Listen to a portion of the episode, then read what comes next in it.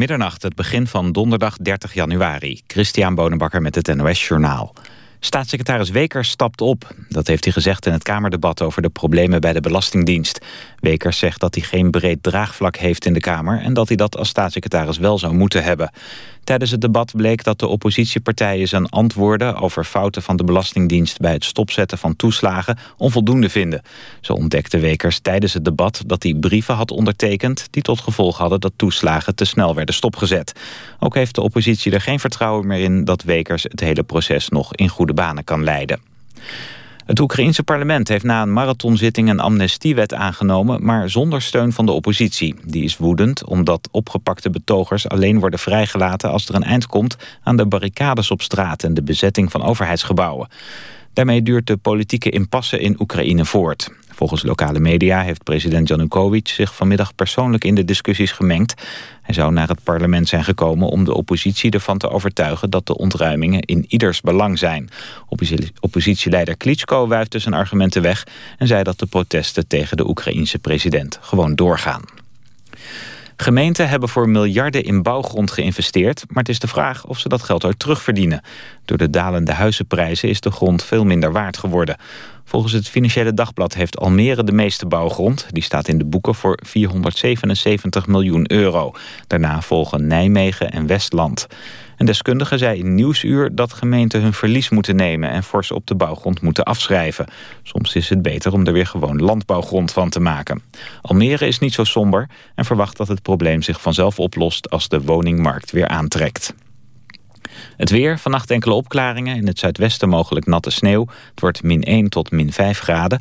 Overdag in het midden van het land de meeste kans op zon. Maxima van min 2 in het noorden tot 4 graden in het zuiden. Dit was het NOS Journaal. Radio 1. VPRO. Nooit meer slapen.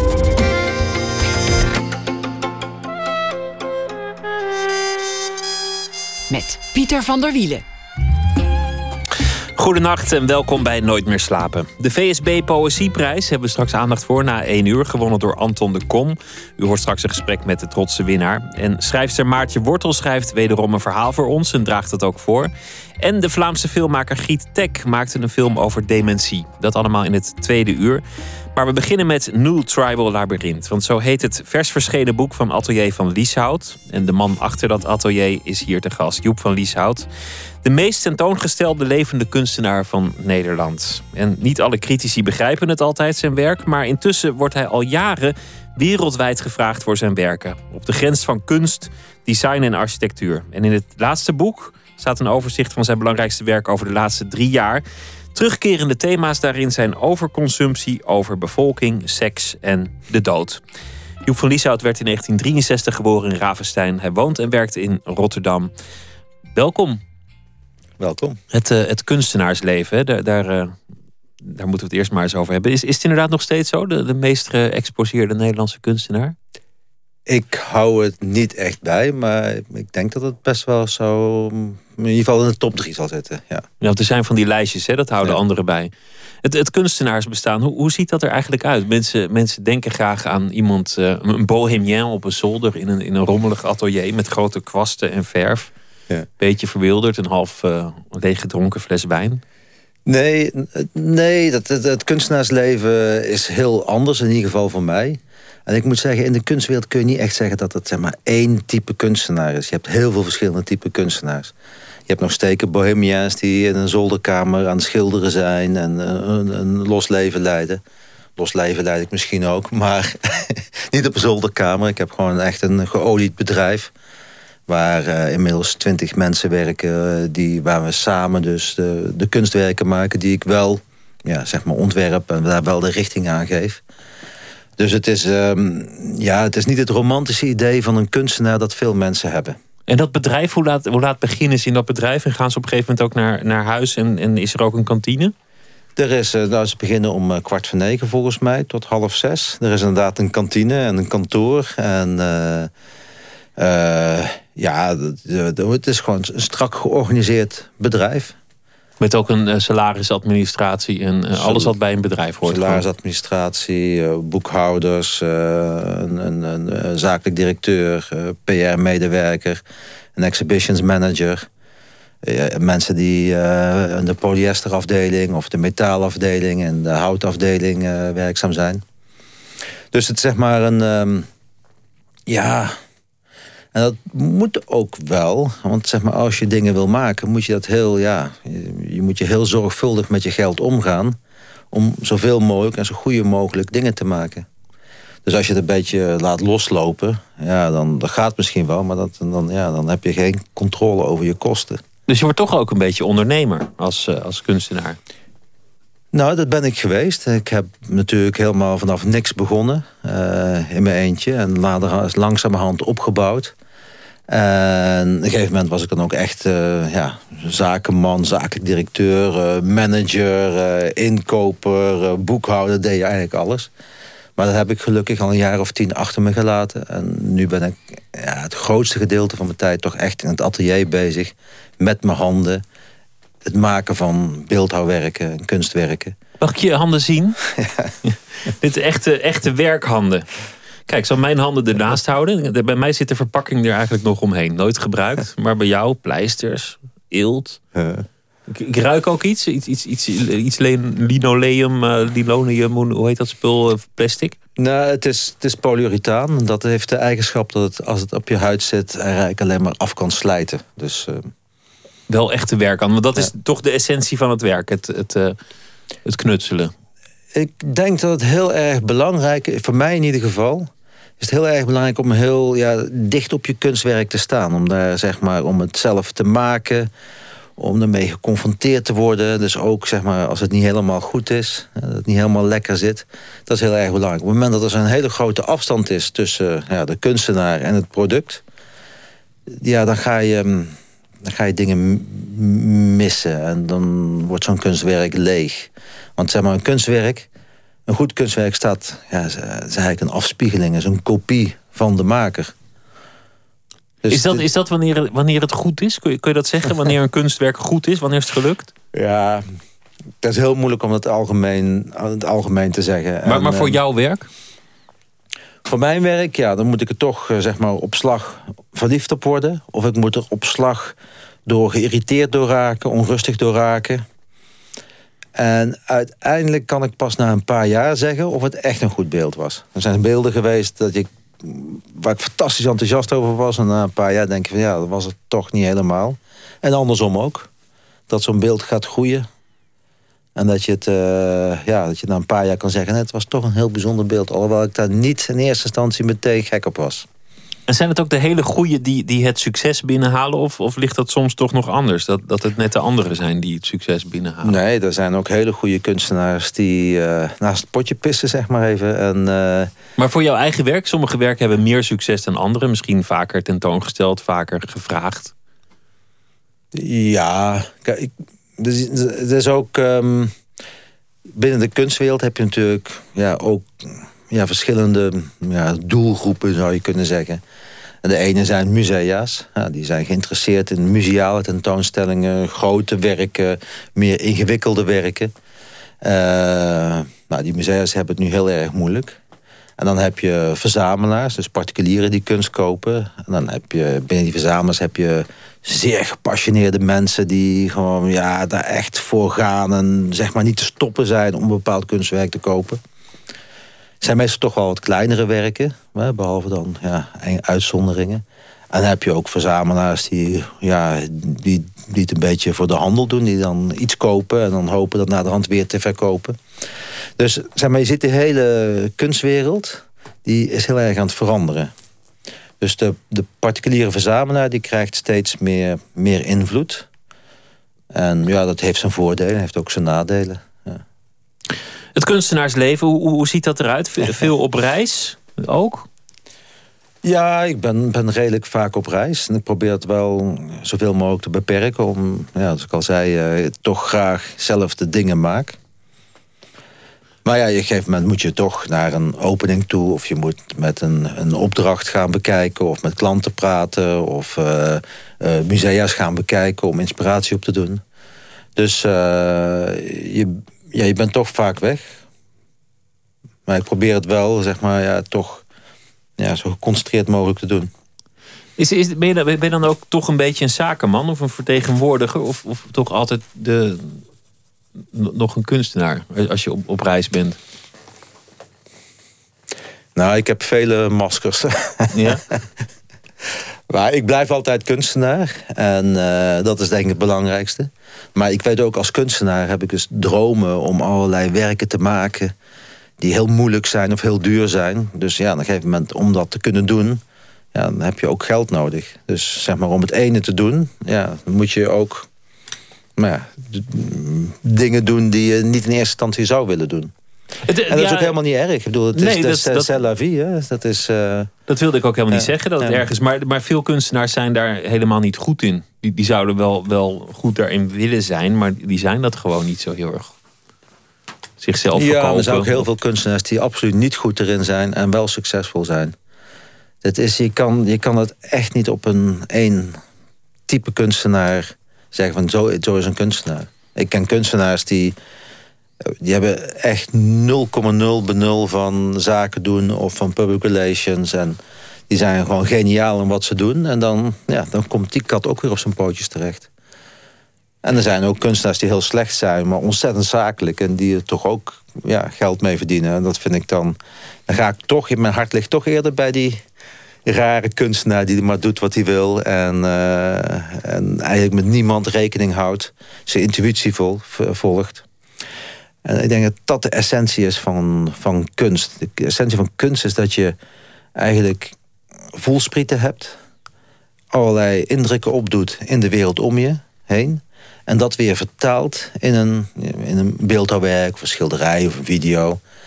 En dat je daarmee weer communiceert. Dus je is eigenlijk zeg maar het is in zekere zin niet veel anders dan een, een, een, een, een, een, boek schrijven of zoiets. Je, je, je, je vertaalt je indrukken in een verhaal. En de ene verhaal lees je met woorden en de andere lees je met beelden. Maar je wil natuurlijk gezien worden en, en, en zoals een schrijver gelezen wil worden. Maar, maar wat moet je doen in die kunstwereld? Ja, je zegt alles is aan het veranderen. Wat moet je doen om opzienbarend te zijn? wanneer, wanneer is iemand belangrijk of, of actueel hoe zorg je daarvoor? Ik denk dat je sowieso moet onderscheiden. Dus je moet uh, andere dingen doen dan wat er bekend is. Of je moet diezelfde dingen veel beter doen. Ja, je moet, je, ja, je, je moet iets... Ja, je moet toch iets... Naar mijn idee moet je iets toevoegen. Je moet toch een soort avant-garde zijn. Je moet een topje van de piramide zijn. Je moet een trendsetter zijn. Je moet de wereld veranderen. Denk je daarover na als je bezig bent? Van, van Is dit avant-garde of is dit trendzettend? Nou, niet, niet op die manier, maar ik denk wel van mijn, mijn lat ligt heel erg hoog. Ik denk dat ik dingen wil. Ik kan geen dingen maken die niet goed zijn of die al gedaan zijn. Dus ik denk er continu over na. Maar niet in, een heel geconstrueerde manier van is het wel avant-garde genoeg. Ja, of, of misschien van goh, dit, dit zou iedereen verbazen of dit is. Uh, ja, ik probeer wel ja, grenzen te verleggen, ja. En dat vind ik ook leuk. Ik, hou ook wel een beetje om mensen op een verkeerd been te zetten. Dat, dat je toch een beetje provoceert of een beetje uitdaagt... en dan een beetje onzekerheid maakt met je werk. Waardoor mensen eigenlijk een beetje... Ja, eigenlijk niet helemaal weten wat ze ervan moeten denken. En daar eigenlijk op die manier zelf een nieuw oordeel over gaan vellen. En zelf weer gaan nadenken over betekenis van het leven... of betekenis van kleur of vorm of van machines of uh, wat dan ook. Wat dan ook. Laten we, laten we het uh, iets concreter maken. Omdat misschien heel veel mensen die het werk niet kennen... denken, maar waar hebben die twee uh, jongens het over? wat, zitten ze, wat zitten ze daar op te stijgen in die, in die, in die studio? het nieuwe boek, New Tribal Labyrinth, daar, daar moeten we het over hebben. Maar misschien als voorbeeld even, even wat, wat oud werk dat je hebt gemaakt... Iets, iets wat bijvoorbeeld heel vaak terugkomt, is, is het thema uh, spijsvertering. Mhm.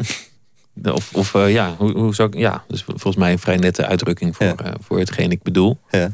Dat, dat, komt, dat komt vaak terug in, in, in jouw werk, bijna een rode draad. Nou ja, niet rood. Ja, uh, de bruine draad. Ja. De... God, wat een niveau meteen. Maar... De, ehm, nee, dat, ja, dat, heeft, uh, dat interesseert me zeer. Um, op verschillende vlakken ook. Natuurlijk, ja, zeg maar, het spijsvertering voor een mens is heel erg belangrijk. Dat is namelijk eten, is je voeding, is je leven.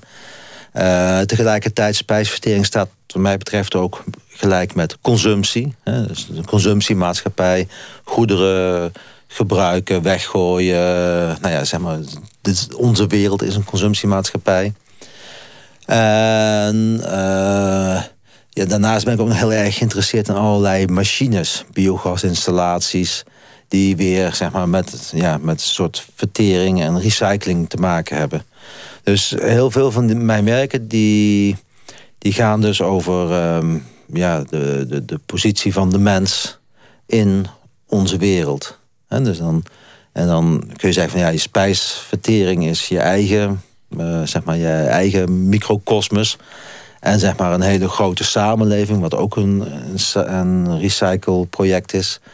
Uh, en waarover consumptie gaat, is een soort macro-versie daarvan. Ja, want een, een mens, um, daar stop je voedsel en, en drinken in en daar, daar komen fecaliën uit. En, en op een grotere schaal is een stad een logistiek probleem waar enorm veel voedsel naartoe moet en waar enorm veel uh, stront vanaf moet. Ja. Dat, dat, is, dat is eigenlijk de gedachte. Ja, heel veel van mijn werk gaat eigenlijk over het individu. Hè, en in, ja, in een samenleving of een uh, gemeenschap. Van hoe, waar, waar ze, wat zijn je gevoelens van vrijheid? Uh, wat zijn je plichten? Uh, wat wil je? En wat zo'n samenleving, ja, hoe moet je je toe verhouden? En als je, als je daar te effectief over denkt, een, een neiging die tegenwoordig nog wel eens bestaat, dan, dan zou je eigenlijk een stad reduceren tot een soort poepmachine. Ja, nou ja.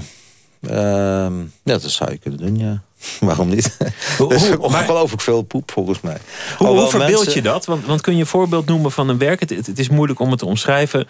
Van hoe je met dat thema, de, de spijsvertering, hoe, hoe je daar kunst van maakt en, en, en waarom dat werkt. Um, nou, ik kan misschien even een anekdote vertellen. In 2001 heb ik een vrijstaat opgericht. Dus zeg maar een helemaal onafhankelijk dorpje in de haven van Rotterdam... waar er geen enkele wet en regel gelden. En uh, het idee was dat mensen daar dus hun eigen huis konden bouwen... zonder technische of esthetische of uh, vestigingseisen. Dus zeg maar totaal een beetje anarchistisch, utopisch dorp. Wat natuurlijk heel erg belangrijk was is ook om onafhankelijk te zijn van de rest van de wereld. Dus daarom had ik ook een boerderij gebouwd, een energiecentrale, waterzuiveringsinstallatie, uh, nou, noem maar op. Om eigenlijk zeg maar, helemaal los te kunnen snijden van, het, van de rest van de wereld. Dat was mijn utopie, mijn ideaal op dat moment. Dus uh, we hadden dus uh, nou, septic tanks en dat soort dingen. En eigenlijk dacht ik ja, het kan veel beter. Laten we een biogasinstallatie maken. En in 2001 was dat er helemaal nog niet zo in als dat nu was. Dus daar heb ik heel veel onderzoek naar gedaan. Nou, hoe maak je dan zo'n biogasinstallatie? Nou, dus zo. Hoe groot moet die zijn? Nou, dat hangt namelijk heel erg af van de hoeveelheid nou, uh, gebruikers die je hebt. Nou, heb ik dat ding helemaal ontworpen. En toen dacht ik van nou, die vrijstaat van mij, waar dus toen 30 mensen zaten... die wordt over nou, een paar jaar duizend mensen. Dat is de ideale uh, hoeveelheid om nog een, zeg maar, een soort goede groep mensen bij elkaar te houden... wat je goed kan besturen in een soort democratisch... Hoe, hoe weet je dat? dat? Dat duizend dan het ideale getal is? Ja, een beetje onderzoek gedaan naar andere utopische dorpen en nederzettingen. Dus ik had die hele biogasinstallatie ontworpen voor duizend man dan zou die optimaal functioneren. Want als je te veel hebt, dan, dan verstopt hij. Als je te weinig hebt, dan uh, komt het proces niet op gang. Nou, tegen de tijd dat dat ding ontworpen was... Ja, was die vrijstaat uh, dichtgegooid. Dat, was, dat bestond niet meer. Dat was uh, al nogal vrij veel problemen op ons afgeroepen. Dus dat hele noodzaak van die, van die composttoilet was niet meer nodig. Die biogasinstallatie. En toen dacht ik van ja, maar ik ben zo gefascineerd door die biogasinstallatie. Ik ga hem toch maken. Met al die tanks en, en buizen en slangen en pompen. Uh, procestechniek, heel ingewikkeld ding. Ik ga hem toch maken. En we hebben weliswaar geen duizend inwoners... maar ga gewoon duizend participanten, duizend slaven...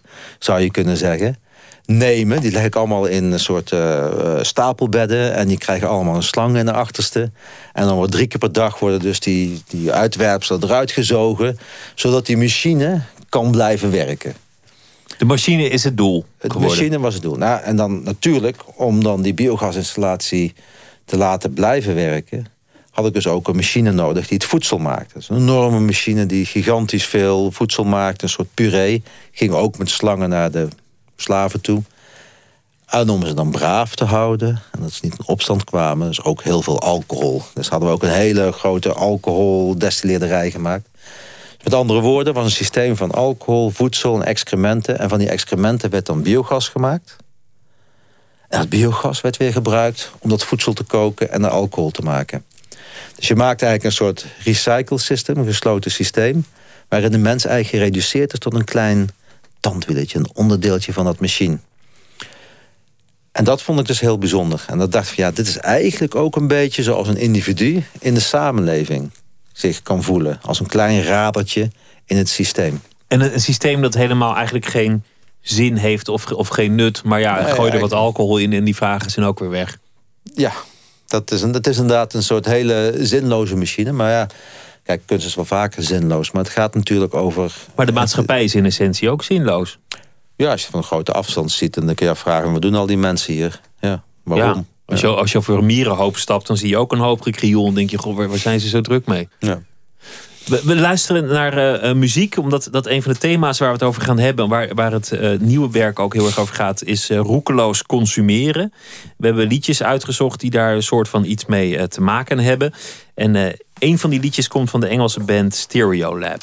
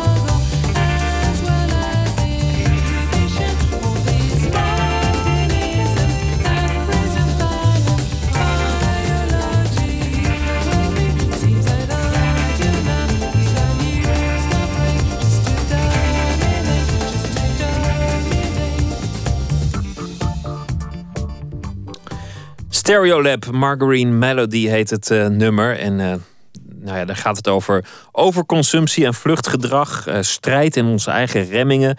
Nou ja, het klinkt allemaal wat luchtiger dan, dan de zwaarmoedige boodschap die erin zit. U luistert naar Nooit meer slapen in gesprek met, met Atelier van Lieshout. moet ik zeggen, Joep van Lieshout. Um, het nieuwe boek, daar, is, gaat het eigenlijk ook heel erg over dat thema... Um, overconsumptie. Hè?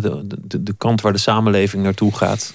Lijkt een heel maatschappelijk betrokken werk te zijn geworden. Ja, dus, dus wat ik, um, mij opvalt... is dat zeg maar, echte industrie en landbouw... dat zijn dingen die al lang bij ons vertrokken worden, zijn. Dus industrie is in nou, het Verre Oosten, zeg maar even. Landbouw in, in, uh, in kassen of een uh, bedrijfshallen... of wordt overgevlogen uit Afrika. En hier in Nederland zijn we eigenlijk een soort volk van dienstverleners. advocaten, designers, radiopresentatoren. De diensteconomie. Niemand, niemand maakt nog echt iets... Ja. En dat is natuurlijk niet echt houdbaar. Dat kan natuurlijk niet echt lang duren. Want ja, zeg maar, degene die dingen maakt, dat, zijn toch, ja, dat is toch de basis van onze economie.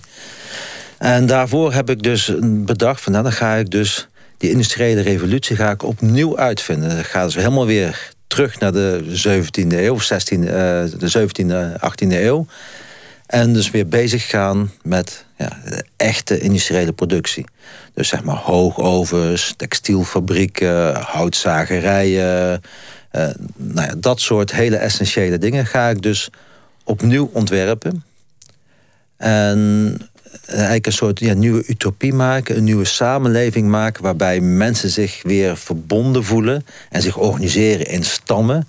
die zich dan bezighouden met bijvoorbeeld staalproductie. En um, het is, zeg maar, een, het is niet een, zijn, um, het zijn wel hele grote apparaten. En sommige van die apparaten werken echt. En sommige apparaten van die, werken niet echt. Omdat het gewoon te duur is om ze echt te laten werken. En, um, en het idee is eigenlijk om weer zeg maar de, de, de, de, de afstand tussen de mens en de industrie weer ja, één te laten worden is een beetje als mensen vroeger terug willen naar de natuur. Denk dat ze in de toekomst weer terug willen naar de industrie. Naar de, het heldendom van de industrie. Van de, maar dat, is, dat is hoe, het werk uh, gaat. Je, maakt een wereld die er niet is. Maar die er misschien wel had kunnen zijn. En die daardoor meteen een soort reflectie is op onze eigen wereld. Ja, dat zou je kunnen. Een soort creëer een soort parallele werelden. Dus ja, als je het heel simpel zegt. Het is een science fiction boek zou je kunnen zeggen. Maar dan zeg maar op uh, beeldende manier uh, uitgedrukt. En wat, wat hoop je te bewerkstelligen bij, bij de kijker? Iemand gaat naar, naar een expositie toe, of iemand ziet jouw beeld ergens op straat, of in, een, mhm. in een museum, of in het, in het boek. Wat, wat, wat hoop je dat het, dat het bereikt? Denk je daarover na? Nou, kijk, ik heb natuurlijk eh, een, een, verhaal waarom ik het maak. En ik denk dat veel mensen, nou, zeker als ze wat uh, lezen... dat ze dat dan ook erin zullen zien. Maar er zullen ook heel veel mensen zijn... die het op een totaal andere manier interpreteren. En dat vind ik ook helemaal prima. Dat is ook het mooie aan kunst... dat je niet, zeg maar, één verplichte manier hebt... van zo en zo moet je het zien. Maar het is ook, het is ook conceptueel. Er zit, zit een boodschap achter, een gedachte... Ik bedoel, het is niet, het is niet dat een, een poepmachine per definitie ontroert of, of, of heel esthetisch is. Nou, als daar heel veel lijken aan uh, vasthangen, die helemaal leeggezogen zijn, ja, dan ontroert het wel. En dan denk je echt van ja, wie, wie zijn die mensen dan? Ben ik dat dan? Die leeggezogen wordt door de rest van de wereld. Ja, zeg maar, je kan het. Uh, ik heb ook wel eens mensen meegemaakt die gewoon echt heel erg ontroerd waren. Die dan zeg maar uh, helemaal van slag waren van het werk. Omdat ze daar zo door geraakt waren. En andere mensen die, interesseert het niet. En andere mensen die lachen erom. En uh, andere mensen kijken naar de kleuren of naar de vormen. Ben je somber geworden eigenlijk? Als je, als je nu kijkt naar je, naar je huidige werk en het, en het, en het werk wat je, wat je jaren geleden maakte. Kom ik somber over? Nee, niet, niet, niet als persoon, maar in, in je werk wel. Nou, uh, Ja, nee, ik, ja, ik ben toch altijd. Uh, ik zoek altijd tussen een soort, uh, een soort contrast tussen goed en slecht. En uh, tussen rationeel en irrationeel. Tussen mooi en lelijk. Dus die twee uitersten die probeer ik altijd op te zoeken binnen een werk. En dan zul je ook zien in het nieuwe labyrint der stammen. Dat je dus aan de ene kant zeg maar, een soort idealistische maatschappij ziet. waarin industrie heel erg belangrijk is. En tegelijkertijd zie je ook dat al die machines met spierkracht worden aangedreven. Nou, dat betekent dus heel veel uh, zwaar werk. Uh, in Slave City, een ander project wat ik gedaan heb... Uh, een soort concentratiekamp ontworpen van, ja, van de toekomst, zeg maar even... waar heel veel geld verdiend kan worden. Wat natuurlijk allemaal verschrikkelijk is. Dat is echt hele verschrikkelijke slavenarbeid... en gerecyclede slaven, orgaantransplantatie, cannibalisme, enzovoorts, enzovoorts.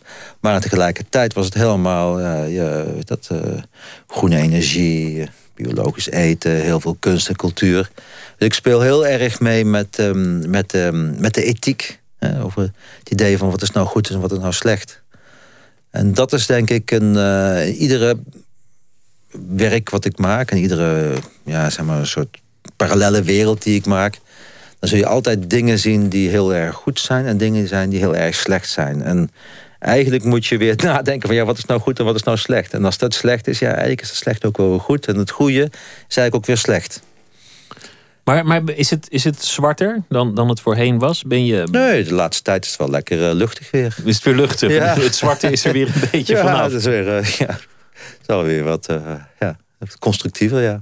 Gebeurt dat, dat je, dat je na een periode naar je werk kijkt... wat natuurlijk, bedoel, je bent niet, niet heel erg bezig met zelfonderzoek... en dan van, nou, ik ga dit nu omzetten. Maar dat je dan naar jezelf kijkt en achteraf denkt van... goh, dit, dit, dit was misschien een wat sombere periode... of, of hier, hier zat ik toch anders in mijn vel dan, dan toen?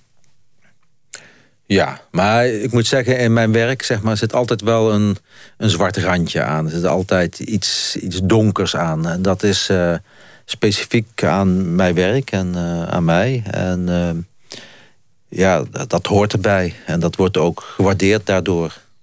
En dus ja, als je alleen maar de vrolijke kunstenaar gaat uithangen... Ja, dat, ik weet niet of dat werkt. Ik denk het niet eerlijk gezegd. Nee, maar goed, met, met concentratiekampen en een, een samenleving... die door overconsumptie ten onder gaat... en die vervreemd raakt van het eigen voedsel. Ja, je moet uitkijken, niet een soort kasteelroman wordt anders. Hè? Dat als het alleen maar over leuk gaat enzovoort. De, de, de mens gereduceerd tot, tot poepfabriek.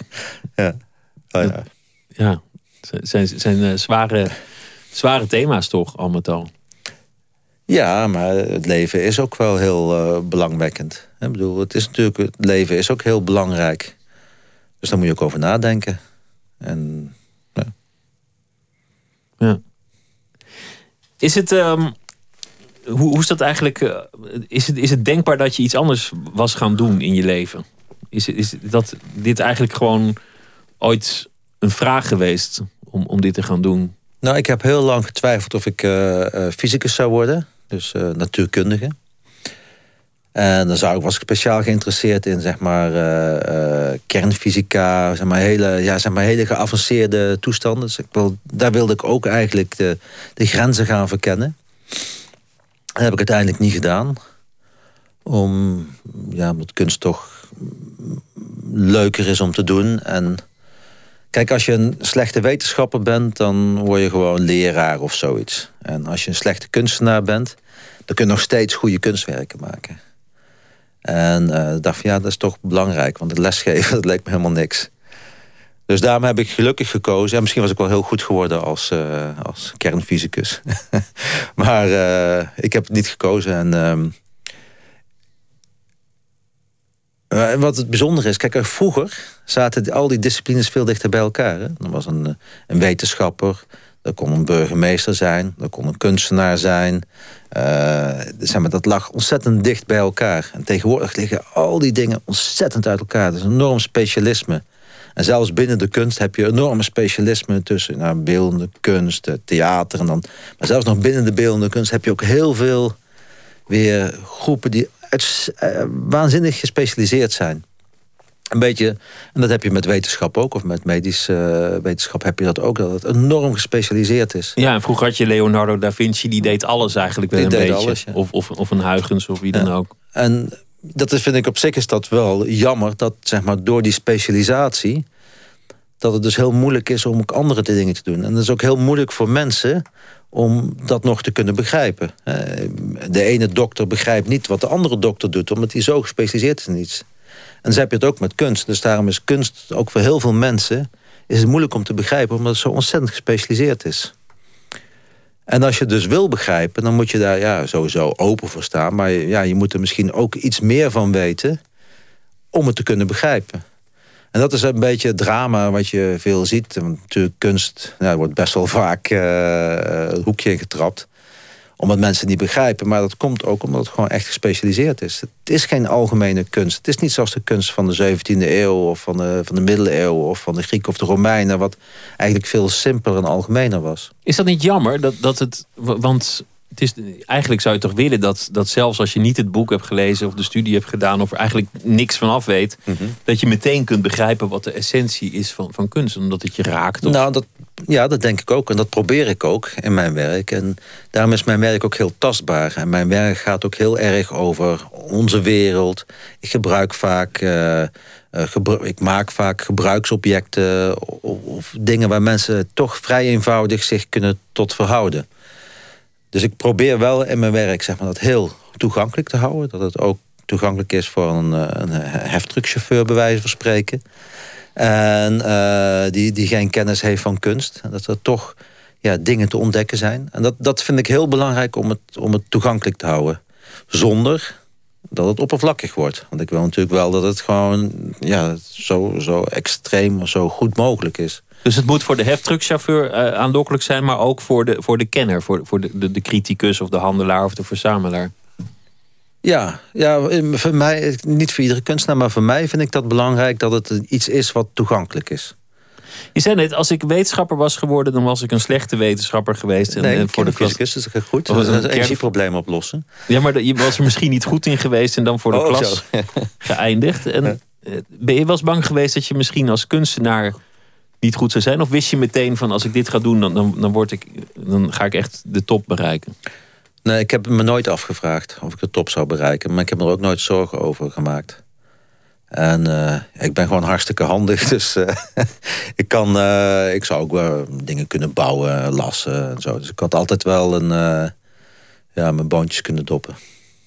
Je, je werkt ook in, in opdracht, dat vind ik ook wel interessant. Dus aan de ene kant alle, alle musea en, en eh, eh, chique galeries. Maar er zijn ook mensen die bellen voor, voor een opdracht. Die, die zeggen, Ja, keuken bouwen bedoel je? Nou, nog, nog net niet de keuken, maar ik geloof een, een speciaal bed voor wurgseks. Kwam ik ergens tegen dat, dat, dat iemand dat had gevraagd. Ja, ja, dat. Maar we hebben ook inderdaad eh, eh, ehm, eh, keukens gemaakt, architectuur aanbouwen, paviljoens, meubels. Dus zeg maar de. Ja, het is heel. ehm, ja, het is heel breed. Het is, zeg maar, het is heel, heel veel verschillende dingen. En dat is ook iets wat mij, wat mij ontzettend aantrekt om te doen. En dat is, dat is weer over die grens heen stappen. Van, van tussen de architect en eh, de ontwerper en, en de kunstenaar. Gewoon van, nou ja, niet je neus ophalen voor, voor, voor werk in de opdracht. In die zin. Nee, maar werk en opdracht is helemaal niet erg. Zeker als, je, als het een leuke opdracht is, dan is dat helemaal prima. Ja, tuurlijk. Ja. Was, was ook een, een, een, een Vlaamse gynaecoloog die, die wilde een, een levensgrote baarmoeder om op zijn werkende leven terug te kunnen kijken. Nou, het was iets anders. Want ik had, die had begonnen over die spijsverteringsorganen. Dus die heb ik dus allemaal gemaakt als een soort tien keer uitvergroot als een werkelijkheid. Dus grote organen. En die had ik een keer tentoongesteld in Amsterdam. En eh, een van die werken was een hele grote baarmoeder. Hè, Dus een baarmoeder met een vulva eraan, eileiders en eierstokken. Die gynaecoloog, kunstverzamelaar uit België, een enorme gast, weet je wel, groot, enorme handen, zware stem, die zei: Wauw, wat fantastisch, zo'n baarmoeder. Ik heb heel mijn leven heb ik naar die dingen gekeken. En nu heb ik de kans om er daadwerkelijk eentje te bezitten. Dus ik dacht van, nou, dat is, gaat goed, weet je wel. Dat ding is verkocht. Hij zegt, ja, maar ik koop hem niet omdat hij te klein is. Ik wil dat hij groter is, zodat ik erin kan met mijn vrouw, mijn kinderen, mijn kleinkinderen. En eh, dus toen- kreeg ik daar een idee van. Dacht nou, dat is eigenlijk een heel fantastisch idee... om dus een enorme baarmoeder te hebben... waar je dus naar binnen kan gaan en daar dus zou, in zou kunnen wonen. En die heb ik toen gemaakt. Maar dan heb je ook echt studie verricht naar hoe een baarmoeder er eigenlijk van binnen uitziet. Ja, En, en dat, dat uit boeken, hè, ja, natuurlijk. Ja, er Maar, zijn ja. natuurlijk prima boeken waar, waar dat allemaal, allemaal keurig in staat beschreven. Dat, dat is eigenlijk ook niet zo'n Ja. enorme. Maar het is ook heel mooi. Ik vind die orgaan, menselijk lichaam, vind ik ook buitengewoon mooi. Eh, hoe ze eruit zien, hoe ze werken. En ook de, de ontzettende complexiteit daarvan. Dat je echt gaat afvragen van... wie heeft dat in godsnaam ontworpen? En waarom ziet het er zo uit en niet anders? Dus dan kom je meteen op hele essentiële vragen. Van nou ja, waar komen we vandaan? En eh, is het een, eh, is, bestaat er een schepper? Of eh, is het een eh, toeval dat we zo zijn? Dus zeg maar, die, ja, je wordt meteen als je naar het menselijk lichaam kijkt of, naar de natuur kijkt, dan word je geconfronteerd met een soort vraag die je nooit kan beantwoorden. Seks is ook altijd een, een, mooi thema. Ook ook in, in het laatste boek zit, zit nog wel wel, wel het een en ander. Je, je had net een mooi exposé over waarom uh, spijsvertering zo enorm fascineert. Maar ja, seks is net zo essentieel als spijsvertering. Misschien nog wel iets essentiëler, toch? Dat, dat, als je het hebt over de zin nou, van het denk, leven. Denk, zonder, zonder seks kun je wel redelijk lang overleven. Maar uh, zonder nou, maar, spijsvertering denk ik dat je snel bent... Uh... Voortplanting, als je, als je dan iets oh, net ter voortplanting ja. doet... dat is gewoon onze functie als organisme. Ja. Ik bedoel, we, eten en we schijten, maar uiteindelijk met als doel om ons voor te planten. Ja, nou inderdaad, het enige reden waarom wij op aarde zijn... is om onszelf voor te planten. En dus het is heel erg belangrijk. Uh, het is ook best wel leuk. En... Um, maar er zit natuurlijk, zeg maar, binnen onze samenleving is natuurlijk een hele, het is helemaal opgebouwd rondom die voortplantingsdrift. Dus uh, uh, nou, als je zeg maar, de mensen een beetje ziet als een soort stam van dieren, een groep van mhm. een roedel van dieren, van apen, wolven. Ja, dan zie je toch dat er dan zeg maar ja, een, een alfa-mannetje komt die dan, dan uiteindelijk ja, de beste kans heeft om zich heen door te geven. Nou, dat speelt bij mensen zeg maar ook. Het is wat geraffineerder, maar het is natuurlijk super belangrijk om ja, je juiste partner te vinden, om je voor te planten, nou, daar, eh, om rijk te worden, om machtig te worden. Dus zeg maar, hoe wij ons gedragen heeft van alles te maken met ja, die, die natuurlijke eh, drang tot, uh, tot voortplanting. Ja, en, en, daar, ja, seks hoort, uh, ja, de seks is daar wel een eh, belangrijk onderdeel van. Ja, de, de samenleving en, en, de overheid proberen natuurlijk seks op allerlei mogelijke manieren te reguleren, zonder het hardop te zeggen. Maar we hebben huwelijken en ambtenaren en echtscheidingswetten en, en, uh, en schandalen. En dat, is natuurlijk, dat heeft natuurlijk allemaal te maken met dat, dat die oerkracht beheerst moet worden. Ja, zeker. Ja. En ik vraag me ook heel erg af van als de mens niet gereguleerd zou zijn hoe zou, hoe zou dat eruit zien? Zou het inderdaad zeg maar, als een soort uh, roedelwolven zijn of apen? Met een soort uh, ja, opperhoofd die alle vrouwtjes uh, voor bezwangert? Of zou, is het zeg maar, echt natuurlijk van de mens dat hij zeg maar, een vaste partner zoekt en trouwt en dat soort dingen?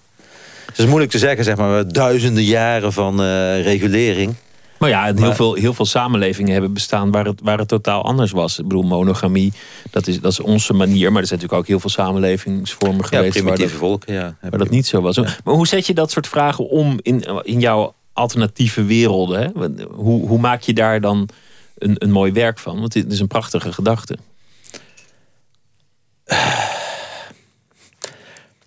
Hoe maak ik daar een mooi werk van? Ja, dat... Uh ik herinner mij de, de, de, de neukmobiel, de, de, de, de, de, hoe heette die? De Besso mobiel. De, de, Bessodroom. Bessodroom, ja. ja. Wat, wat was dat ook alweer?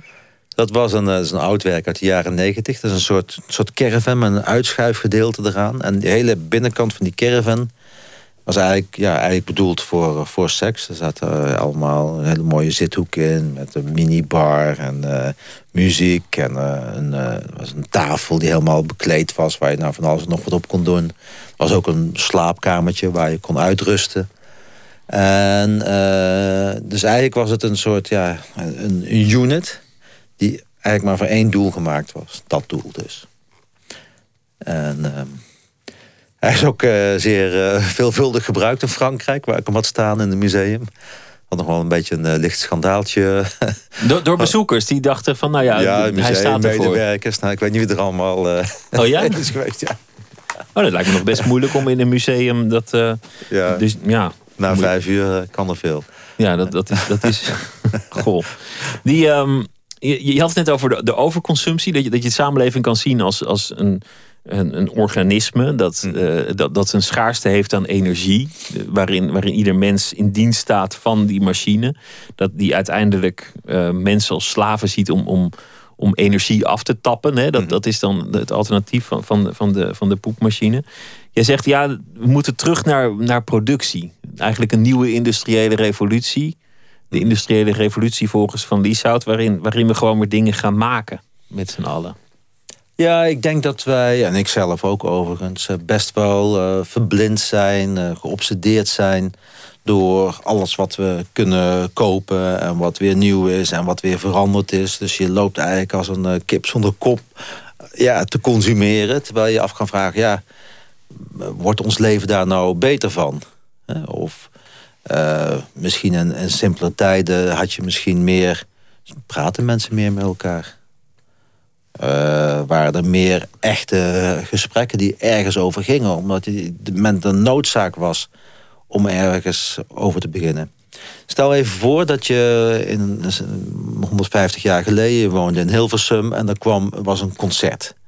Dan gingen dus heel veel mensen gingen naar het concert toe. Dus ook de dominee, ook de kunstenaar, ook de filosoof, eh, de danseres. En die gingen dan allemaal praten. En over dingen, belangrijke dingen in het leven communiceren. Nou, dat gebeurt dus helemaal niet meer. Dus het is nu zeg maar zo gespecialiseerd... dat je die, zeg maar, die contacten tussen de verschillende mensen... die, die, die heb je niet meer. Is dat zo? Dat, het gebeurt toch nog heel veel, of niet? Nou, nee, volgens, volgens mij dus, dus niet, zeg maar. En, um, en wat je ook merkt tegenwoordig... dat, dat telefoneren dat is bijna al taboe. Dus mensen sms en e-mail alleen maar. En als gebeld moet worden, dan, dan wordt het deze heel erg rustig. Dus die, die, die, die echte één-op-één contacten, die, die, die verdwijnen. En op een gegeven moment denk ik, als je nog verder in de toekomst gaat... dan denk ik dat mensen nog meer achter hun scherm of mobiel apparaat, uh, helm, wat het ook mag zijn, gaan verschuilen. En uh, dus dat er een soort, uh, ja, een soort heel essentieel menselijke communicatie gaat verdwijnen. Snap je nou dat ik vraag of je somber bent geworden? Nee. dit, is toch, dit is toch een vrij somber scenario wat je nu, wat je nu schetst? Nou, dat weet ik niet. Misschien uh, zijn mensen wel heel erg blij achter hun... Uh, achter hun scherm. achter ja. hun scherm, ja heeft ook voordelen. Ik bedoel, mensen die hoeven niet echt de deur meer uit. Dus uh, hebben veel kleinere woningen nodig. Uh, eten veel minder. Maar als we, als we het echt zouden doen zoals, zoals je voorstelt... dat we allemaal terug zouden gaan naar, naar het maken... En, en de essentie, weer in contact komen met ons voedsel en onze instrumenten... dan, dan, dan zou de kunst daar misschien ook uit verdwijnen. Nee, dat denk ik niet. Nee? Nee, kunst zal altijd blijven bestaan. Dat bij de mens hoort. Ja. Als soort. Ja. Wat, wat staat er komend jaar voor jou uh, op de proppen? Want ik, ik, begon ermee dat je, dat je zoveel projecten hebt. Er zijn, er zijn, je hebt nu een project over uh, vlees. Ook zo'n vraagstuk van onze tijd. Uh, je, je hebt, bent net klaar met een grote expositie in, in Marseille. Er is, een hotel was er afgelopen jaar in ja. Amsterdam... waar je aan, aan meewerkt met allemaal ontwerpen. In, in Rotterdam een, een nieuw project wat staat er nog meer allemaal eigenlijk op dit? Nou, volgende week is de première van uh, De Vliegende Hollander in Hamburg. Daar heb ik het decor voor gemaakt. Uh, dan daarna een tentoonstelling in Wenen, tentoonstelling in Hongkong. Hier uh, het voorjaar bij de Kasteel de Keukenhof een hele grote tentoonstelling. Nou, nog in New York. Het is echt een enorme, ik denk wel 40, 50 tentoonstellingen per jaar. Je, je hebt het zelfs op een briefje, want je wist dat ik het ging vragen. Dus je hebt het zelfs op een briefje moeten schrijven, omdat je het eigenlijk niet meer uit je hoofd weet wat er allemaal op til staat. Nee, dus iedere dag is er wel een vrachtwagen die komt of weggaat met kunstwerken. Ja. Dat is, echt, uh, het is enorm. En, maar maar dat, dat, gaat ook maar door. Ja. Het, blijft, het is nu al, al 20 jaar booming of zoiets, denk ik. Is, er, is er nog een grote droom? Hmm. Nou, wat ik wel zou willen doen, zeg maar, ik, wat, ik maak dus heel van die hele grote dingen, die dus bijna niet kan toonstellen, die je bijna niet kan verkopen. Ik zou wel zeg maar een keer zo echt zo'n heel landbouw, een land bouwen met, vol met, met die machines bijvoorbeeld. En boerderijen en kunstwerken. Ja, zeg maar, een, heel, een hele wereld te creëren. Echt, echt een wereld. Een, een echte, nou, je zou het een openluchtmuseum kunnen noemen. Ja, laat het maar even zo noemen. Een openluchtmuseum, maar dan allemaal met dingen die ik gemaakt heb. En er zijn inderdaad veel gebouwen bij. En, uh, en units, en uh, fabrieken, machines en beelden. En, uh, ja, dat lijkt me wel echt wel fantastisch. Dus... Uiteindelijk ben ik zeg maar al 30 jaar aan het werk. En ik probeer eigenlijk een soort... Ja, een hele soort nieuwe wereld te bouwen. En nou ja, die zou ik wel af willen maken. Dus ik heb een heel groot stuk grond nodig. En, uh, of hele grote loodsen, zeg maar, om dat te kunnen doen. En, en heel veel mankracht en, en materiaal. En, en dan, het wordt bijna ook een soort samenleving op zich. Mankracht en materiaal, dat, dat is wel, uh, dat heb ik wel. Dat komt wel goed. Dat komt wel goed, ja. Dat klinkt als, het klinkt als een mooie droom, toch? Het is een hele mooie droom, ja. En, want is, is er verder ook nog iets wat je, wat je zou willen bereiken in, in maatschappelijke zin? Want, want daar heb je volgens mij eigenlijk alles wel bereikt wat er te bereiken valt, of niet? Nou, in maatschappelijke zin, voor de samenleving, denk ik, ik zou het wel goed vinden als uh, wat minder weerstand zou zijn tegen kunst. Want dat merk ik. Tegen kunst in het algemeen? Ja, ik merk dat uh, zeker de laatste jaren dat er echt een soort, een soort felle, nare weerstand komt tegen kunst. Een soort uh, zwarte schaap van de, van de familie. En dat vind ik niet goed. Ik, bedoel, ik kan me heel goed voorstellen dat mensen van kunst houden en mensen niet van kunst houden. Maar ik, ik denk wel dat je er altijd een soort van, ja, weet ik veel, respect of een open vizier voor moet houden. En als het niet je ding is, is niet je ding. Is niet dan je loop, ding, je, loop je verder, toch? Ja. Zo wordt heel snel wordt erop gescholden. En, uh, Hoe komt dat eigenlijk? Nou, ik denk dat altijd, mensen altijd een zondebok nodig hebben. En uh, ja, dus, dus, kunst is niet iets wat je, ja, is toch niet iets wat je zegt van ja, dat hebben we nodig. Het is niet een, uh, het is niet voedsel of het is niet een auto of het is niet dit, het is niet dat. Zeg maar, het is niet. Dus ja, die, dat kun je makkelijk uh, eronder uithalen. En bovendien zijn ja, kunstenaars toch niet echt zeg maar, goed georganiseerd. Zoals, zeg maar, het is geen multinational uh, met uh, advocaat in dienst en uh, enorme budgetten. Dus het is een. het is, ja, het is een makkelijk slachtoffer.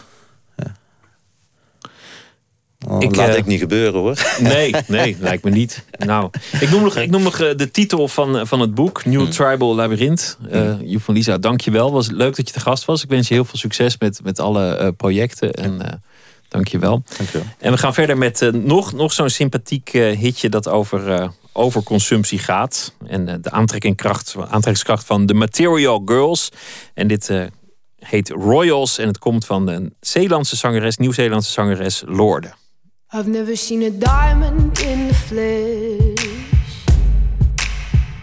I cut my teeth on wedding rings in the movies. And I'm not proud of my address. In a torn up town, no postcode envy. But every song's like gold teeth, grey goose dripping in the bathroom, bloodstains, ball gowns, trash in the hotel room. We don't care. We're driving Cadillacs in our dreams. But everybody's like crystal, Maybach, diamonds on your timepiece, jet planes, islands, tigers on a gold leash. We don't care. We aren't caught up in your love affair, and we'll never be royal. royal. It's a crave a different kind of buzz. Let me be your ruler. ruler. You can call me Queen Bee, and baby I'll rule. Let me live that fantasy. My friends and I, we've cracked the code. We count our dollars on the train to the party. And everyone who knows us knows that we're fine with this. We didn't come for money. But every song's like gold teeth, grey goose dripping in the bathroom, bloodstains, ball gowns, trash in the hotel room. We don't care. We're driving Cadillacs in our dreams. But everybody's like crystal, Maybach, diamonds on your timepiece, jet planes, islands, tigers on a gold leash. We don't care. We aren't caught up in your love affair, and we'll never be royals. It's a run in our blood. That kind of luck's just ain't for us. We crave a different kind of buzz. Let me be your ruler. ruler.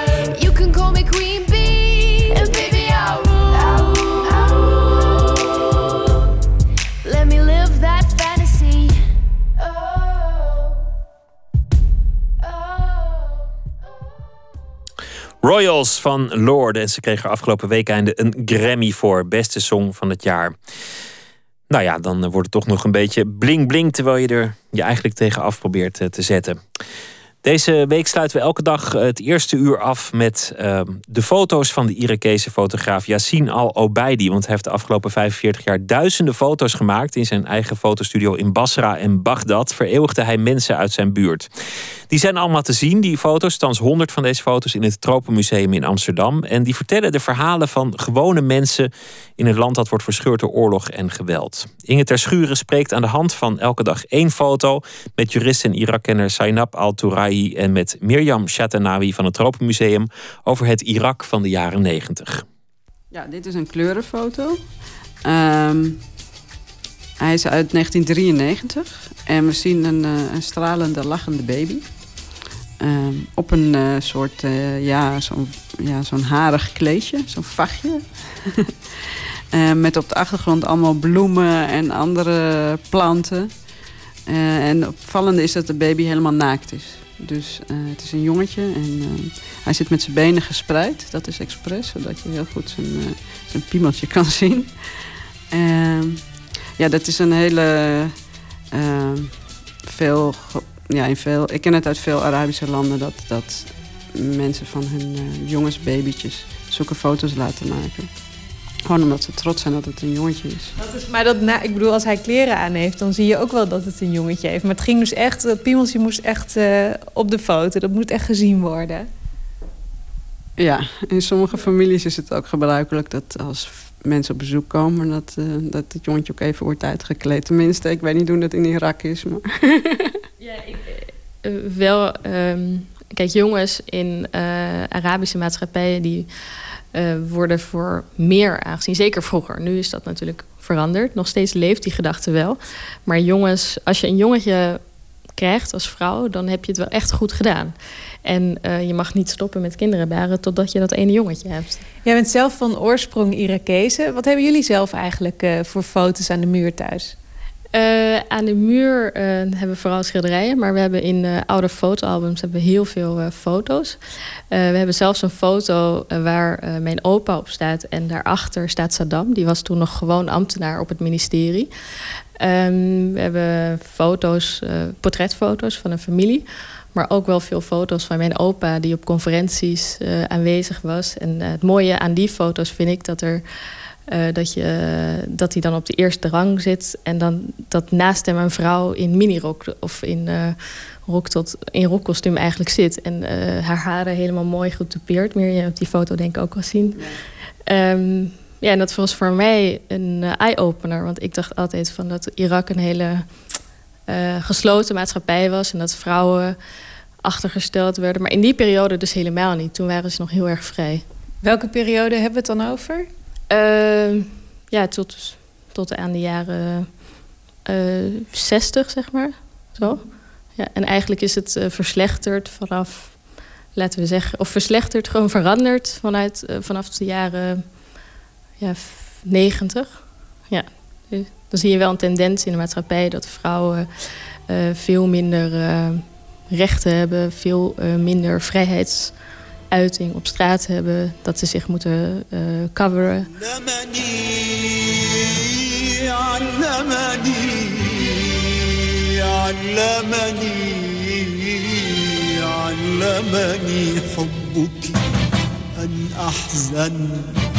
Ik denk dat de fotostudio is een plek waar je je eigen werkelijkheid kunt creëren. Waar je even weg bent van alle dag. En waar je uh, door, dus met een mooie achtergrond, met een ander kostuum aan, kan je, je je anders presenteren. En dat is wel leuk voor een foto, dat je dat kunt laten zien. Denk je dat het ook iets is wat mensen nodig hadden? Want dit is natuurlijk net na de Tweede Golfoorlog. Hadden ze het ook nodig om even uit die werkelijkheid te ontsnappen? Ja, dat zou zomaar kunnen. Dat het uh, belangrijk voor uh, personen was om zich anders voor te doen. Dat ze heel even van die werkelijkheid ontsnapten, inderdaad. En een veilig plekje in die onveilige stad of steden.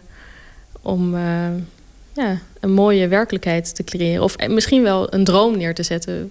Dus soms zie je ook wel achtergronden van Parijs of mooi natuurgebied. Dus ze konden in die periode helemaal niet reizen. Dus dat is ook wel iets waar ze dan uh, voor terecht konden in die fotostudio. het is een beetje spelen met je identiteit in zo'n klein hoekje van de fotograaf. En dat is toch best leuk als, je het, als het voor de rest niet zo fijn is in het land.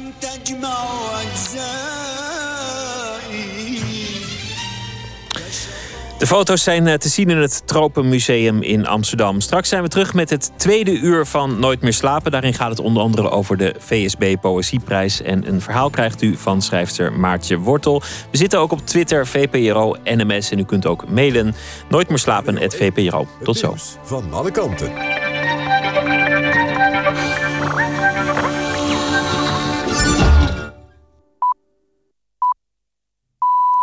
1 uur, Christian Bonenbakker met het NOS Journaal.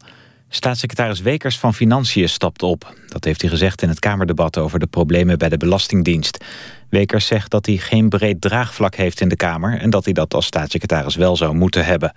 Tijdens het debat bleek dat de oppositiepartijen zijn antwoorden over fouten... bij het stopzetten van toeslagen onvoldoende vinden. Ook heeft de oppositie er geen vertrouwen meer in... dat Wekers het hele proces nog in goede banen kan leiden. Vorig jaar lag Wekers al onder vuur door de zogenoemde Bulgare-fraude. Bijna de hele oppositie steunde toen een motie van wantrouwen. Premier Rutte respecteert het besluit van Wekers om af te treden. Hij bedankt hem voor zijn grote inzet in de afgelopen jaren. Wekers was staatssecretaris sinds 2010. Ook veel Tweede Kamerleden reageerden met respect op het besluit van de VVD'er. Verder vielen in de Kamer de woorden pijnlijk en onvermijdelijk... omdat al duidelijk was dat veel partijen een motie van wantrouwen zouden steunen. ChristenUnie-leider Slop prees het feit dat Wekers zijn aftreden in het parlement heeft bekendgemaakt en niet daarbuiten. Ook GroenLinks-voorman Van Ooyik vond het chic dat de bewindsman de eer aan zichzelf heeft gehouden. Het Oekraïense parlement heeft na een marathonzitting een amnestiewet aangenomen, maar zonder steun van de oppositie. Die is woedend omdat opgepakte betogers alleen worden vrijgelaten als er een eind komt aan de barricades op straat en de bezetting van overheidsgebouwen. Daarmee duurt de politieke impasse in Oekraïne voort. Volgens lokale media heeft president Janukovic zich de afgelopen middag persoonlijk in de discussies gemengd. Hij zou naar het parlement zijn gekomen om de oppositie ervan te overtuigen dat de ontruimingen in ieders belang zijn. Oppositieleider Klitschko wuifde zijn argumenten weg en zei dat de protesten tegen Janukovic gewoon doorgaan. Het weer, vannacht op de meeste plaatsen droog. In het zuidwesten mogelijk natte sneeuw. Het wordt min 1 tot min 5 graden. Overdag in het midden van het land de meeste kans op zon. Maxima van min 2 in het noorden tot 4 graden in het zuiden. Dit was het NOS Journaal. Radio 1.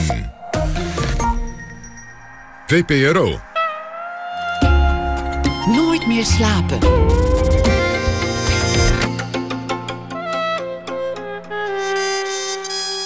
Met Pieter van der Wielen.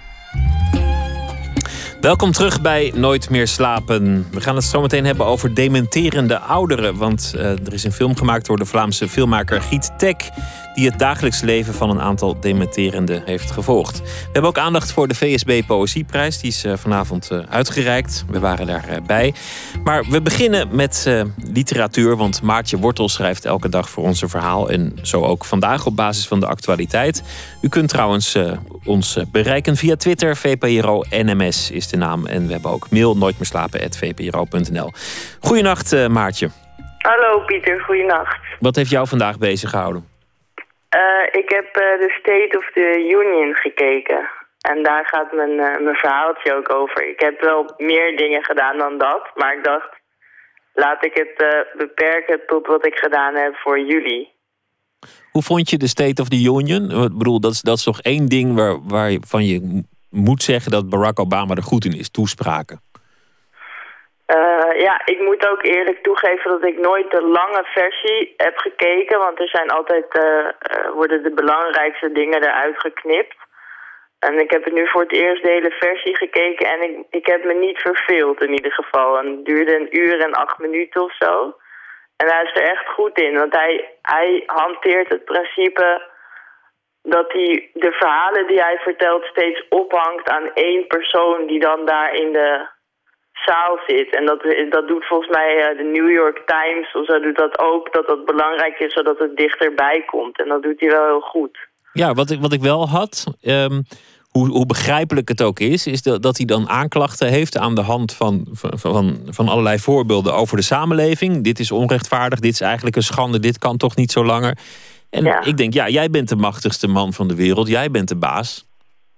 Ja, Precies, ja, daar gaat mijn verhaaltje eigenlijk ook over. Ja, dat het... En daar het, het heeft ook wel iets lulligs. Dan staat hij daar een speech te houden en te vertellen hoe belangrijk Amerika is en hoe belangrijk eigenlijk ook... Hij vertelde eigenlijk ook hoe belangrijk hij zelf is. En dan alsnog staat hij daar volkomen... Ja, maar dat is...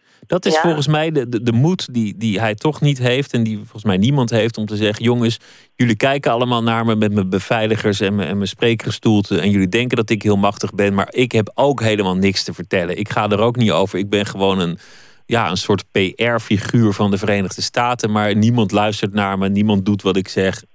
Ik ben, ik ben helemaal niet machtig. Het zou wel prachtig zijn als hij dat zou doen. Maar dat, dat, die eerste die dat doet, moet nog komen. Uh, maar het zou wel heel mooi zijn. Maar uh, mijn verhaaltje gaat er wel over. Want ik kan me niet voorstellen dat je naar huis gaat en dan denkt... zo, dat heb ik goed gedaan. Of dat heeft, dit maakt sens of zo. Dus ik, ik denk dat, ja, je kan, je moet de hele tijd die, dat meespelen aan dat theater. Helemaal op dat niveau. Dat kan natuurlijk niet anders. Maar het is allemaal knap... Uh, ja, toch knap lullig. En ook die Amerikanen hoe ze dan staan te joelen en met die militair erbij. Het is wel ook echt een toneelstuk. Ik ben benieuwd geworden naar je verhaal. Begin maar als je wil. Ja, het heet Het zijn mijn woorden niet. Hij schopt zijn schoenen uit alsof hij terugkomt van een avondje uit. Hij zucht, maar het is geen zucht van verlichting. Het is eerder alsof hij nog één keer diep adem, ademt voor hij aan een onmogelijke klus begint. Op zijn sokken loopt hij naar de zware antieke kast, pakt er een glas uit en schenkt zichzelf in, meer dan gebruikelijk. En ik, vraagt ze. Sorry, zegt hij terwijl hij naar het raam loopt, de gordijnen sluit en armgebaar maakt. Schenk jezelf maar in, wil je?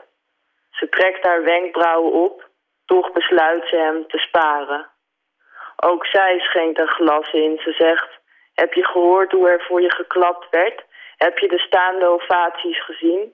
Ze glimlacht naar hem om te laten merken dat ze het goed bedoelt. Ze hoopt dat ze er samen om kunnen lachen om de tekst van een ander, de valse beloftes, het treurige spel van de macht, maar dit is niet de dag om te lachen. Hij voelt zich als Atlas, alsof hij de man is die de wereld op zijn schouders draagt. Er zijn dagen dat hij samenvalt met zijn eigen mythe, maar nu is hij moe, uitgeput eigenlijk. Hij drinkt in één teug zijn glas leeg en ploft niet naast haar neer op de bank. Hij wil haar spottende ogen niet zien. Hij staat in zijn strakke pak met zijn rug naar haar toe bij de flipperkast. Hij drukt zonder enige controle op de rode knoppen en laat de kogel door de kast rollen. Het was goed wat je zei over vrouwen, probeert ze. Hij haalt zijn schouders op. De schouders waarop de wereld steunt. En zij zegt... Vergeet niet wat je zojuist gezegd hebt, liefje. Je zei... Nothing in life that's worth anything is easy. Dat is wel een hele mooie one-liner. Die, die, daar is natuurlijk over nagedacht. Ja. ja. Was dat hem of zat er nog een mooiere in dit jaar? Ja, er zaten er wel een paar in. Ik ben, ik ben ze ook alweer vergeten. Want dat Dan was het niet een goede als je hem vergeten bent. Ja, ik ga deze ook weer vergeten hoor. Nou ja, dit, is, is natuurlijk een hele mooie... Het zijn van die open deuren toch. Het, dat, ja, niks wat de moeite waard is, is gemakkelijk. Dat soort dingen, ja, daar zaten er heel veel ook... Ik, ja, ik zal, hij, hij zei wel mooie dingen ook over... Uh, ik zit er even over te denken trouwens. Het is, het is ook enorme onzin. Niks wat de moeite waard is, is gemakkelijk. Ja, ik vind juist heel veel wat de moeite waard ja, is. Ja, is ontzettend makkelijk. Ja, ademhalen. Beste moeite waard. Precies, ja. Kost nauwelijks moeite. Noem maar wat. Ja, slapen ook zoiets. Dat vind oh, ik eigenlijk een van de mooiste dingen. Ja, voor sommige mensen heel moeilijk. Daar, daar uh, profiteren wij van als nachtprogramma. Dat slapen voor sommige mensen een opgave is. Maar ja. ja, is, is eigenlijk ook heel makkelijk. Ik zei net dat, dat Barack Obama eigenlijk helemaal niet belangrijk is. En, en dat het allemaal een, een theaterstuk is. En dat hij niet echt de macht heeft. Maar voor, voor de sfeer in de wereld, hè, voor, de, voor de tijdgeest, voor het gevoel van optimisme, is een president natuurlijk enorm belangrijk. Heeft hij dat goed gedaan, vind je? Ja, ik vind het heel moeilijk om daar mening over te hebben, maar ik vind het wel... Ja, nu behandel ik, ben- jou als een Amerika-deskundige, maar nou ja, ja, maar gekeken. ik ben wel heel blij, ja, om het dan even gewoon op, op, op mijn manier te zeggen hoe ik er naar kijk, is dat ik... Ik ben wel heel blij dat hij er is, al is het alleen maar om die omslag met dat eh, yes we can en dat soort dingen. Dat vond ik wel net als de rest van de wereld prachtig op dat moment. En nu maakt hij zijn beloftes niet waar, maar welk mens maakt zijn beloftes wel waar? Ik vind dat altijd heel moeilijk om dan... eh, ja, het is gewoon een, het is een show, maar die show moeten we spelen, anders wordt het helemaal chaos. Dus ik ben sowieso wel voor. Oké, nou ja, goed. Ik, eh, voor, ik ben ook altijd eigenlijk wel voor theater. Ik geloof er eigenlijk helemaal niks van. Ik bedoel, wat Nee. weten we nou? Misschien bestaat ja, hij wel je helemaal moet niet. het niet, niet te serieus nemen, dan is het allemaal wel te doen. Dankjewel. Tot morgen, Maartje Tot Wortel. morgen. Schrijver van onder andere de roman IJstijd. Die is eh, heden in eh, de winkels eh, te vinden. Als de, winkel nog, de boekwinkel nog open is in uw woonplaats. We gaan luisteren naar muziek. Ze lijken een beetje op een secte. Het is een 23-koppig gezelschap. De Polyphonic Spree uit Dallas, Texas. En ze dragen allemaal het liefst lange witte gewaden. En ze hebben een eh, nieuw album uit. Yes, It's True heet de plaat. En het nummer dat we horen heet You're Golden.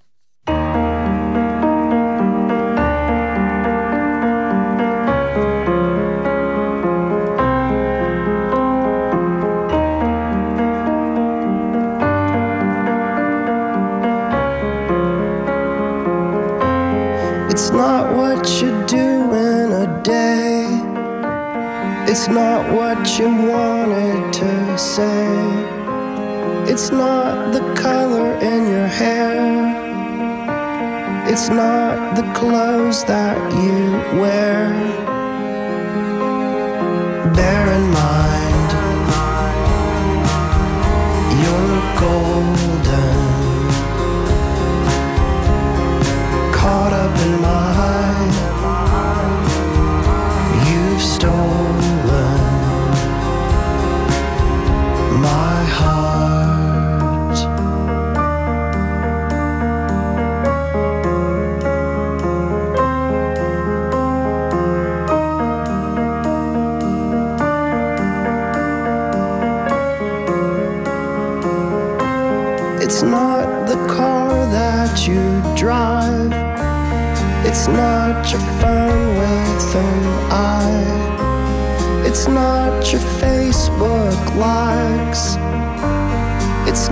Your Instagram pride.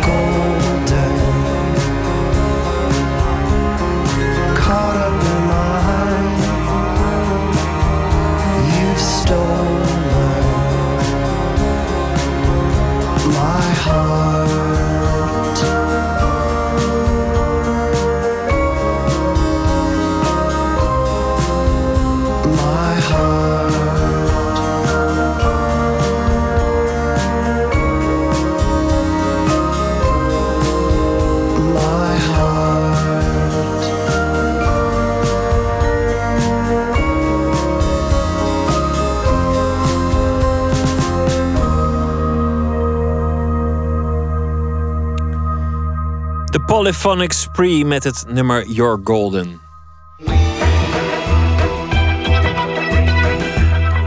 De VPRO op Radio 1 Nooit meer slapen. Drie jaar lang volgde de Vlaamse filmmaker Giet Tek het dagelijks leven van een aantal bewoners van Huis Perrekes.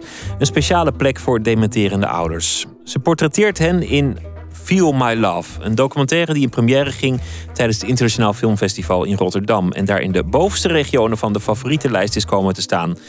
Een trefzekere, observerende film is het geworden over de kracht van muziek, het belang van menselijk contact en over sterfelijkheid. Floortje Smit sprak met Gitek.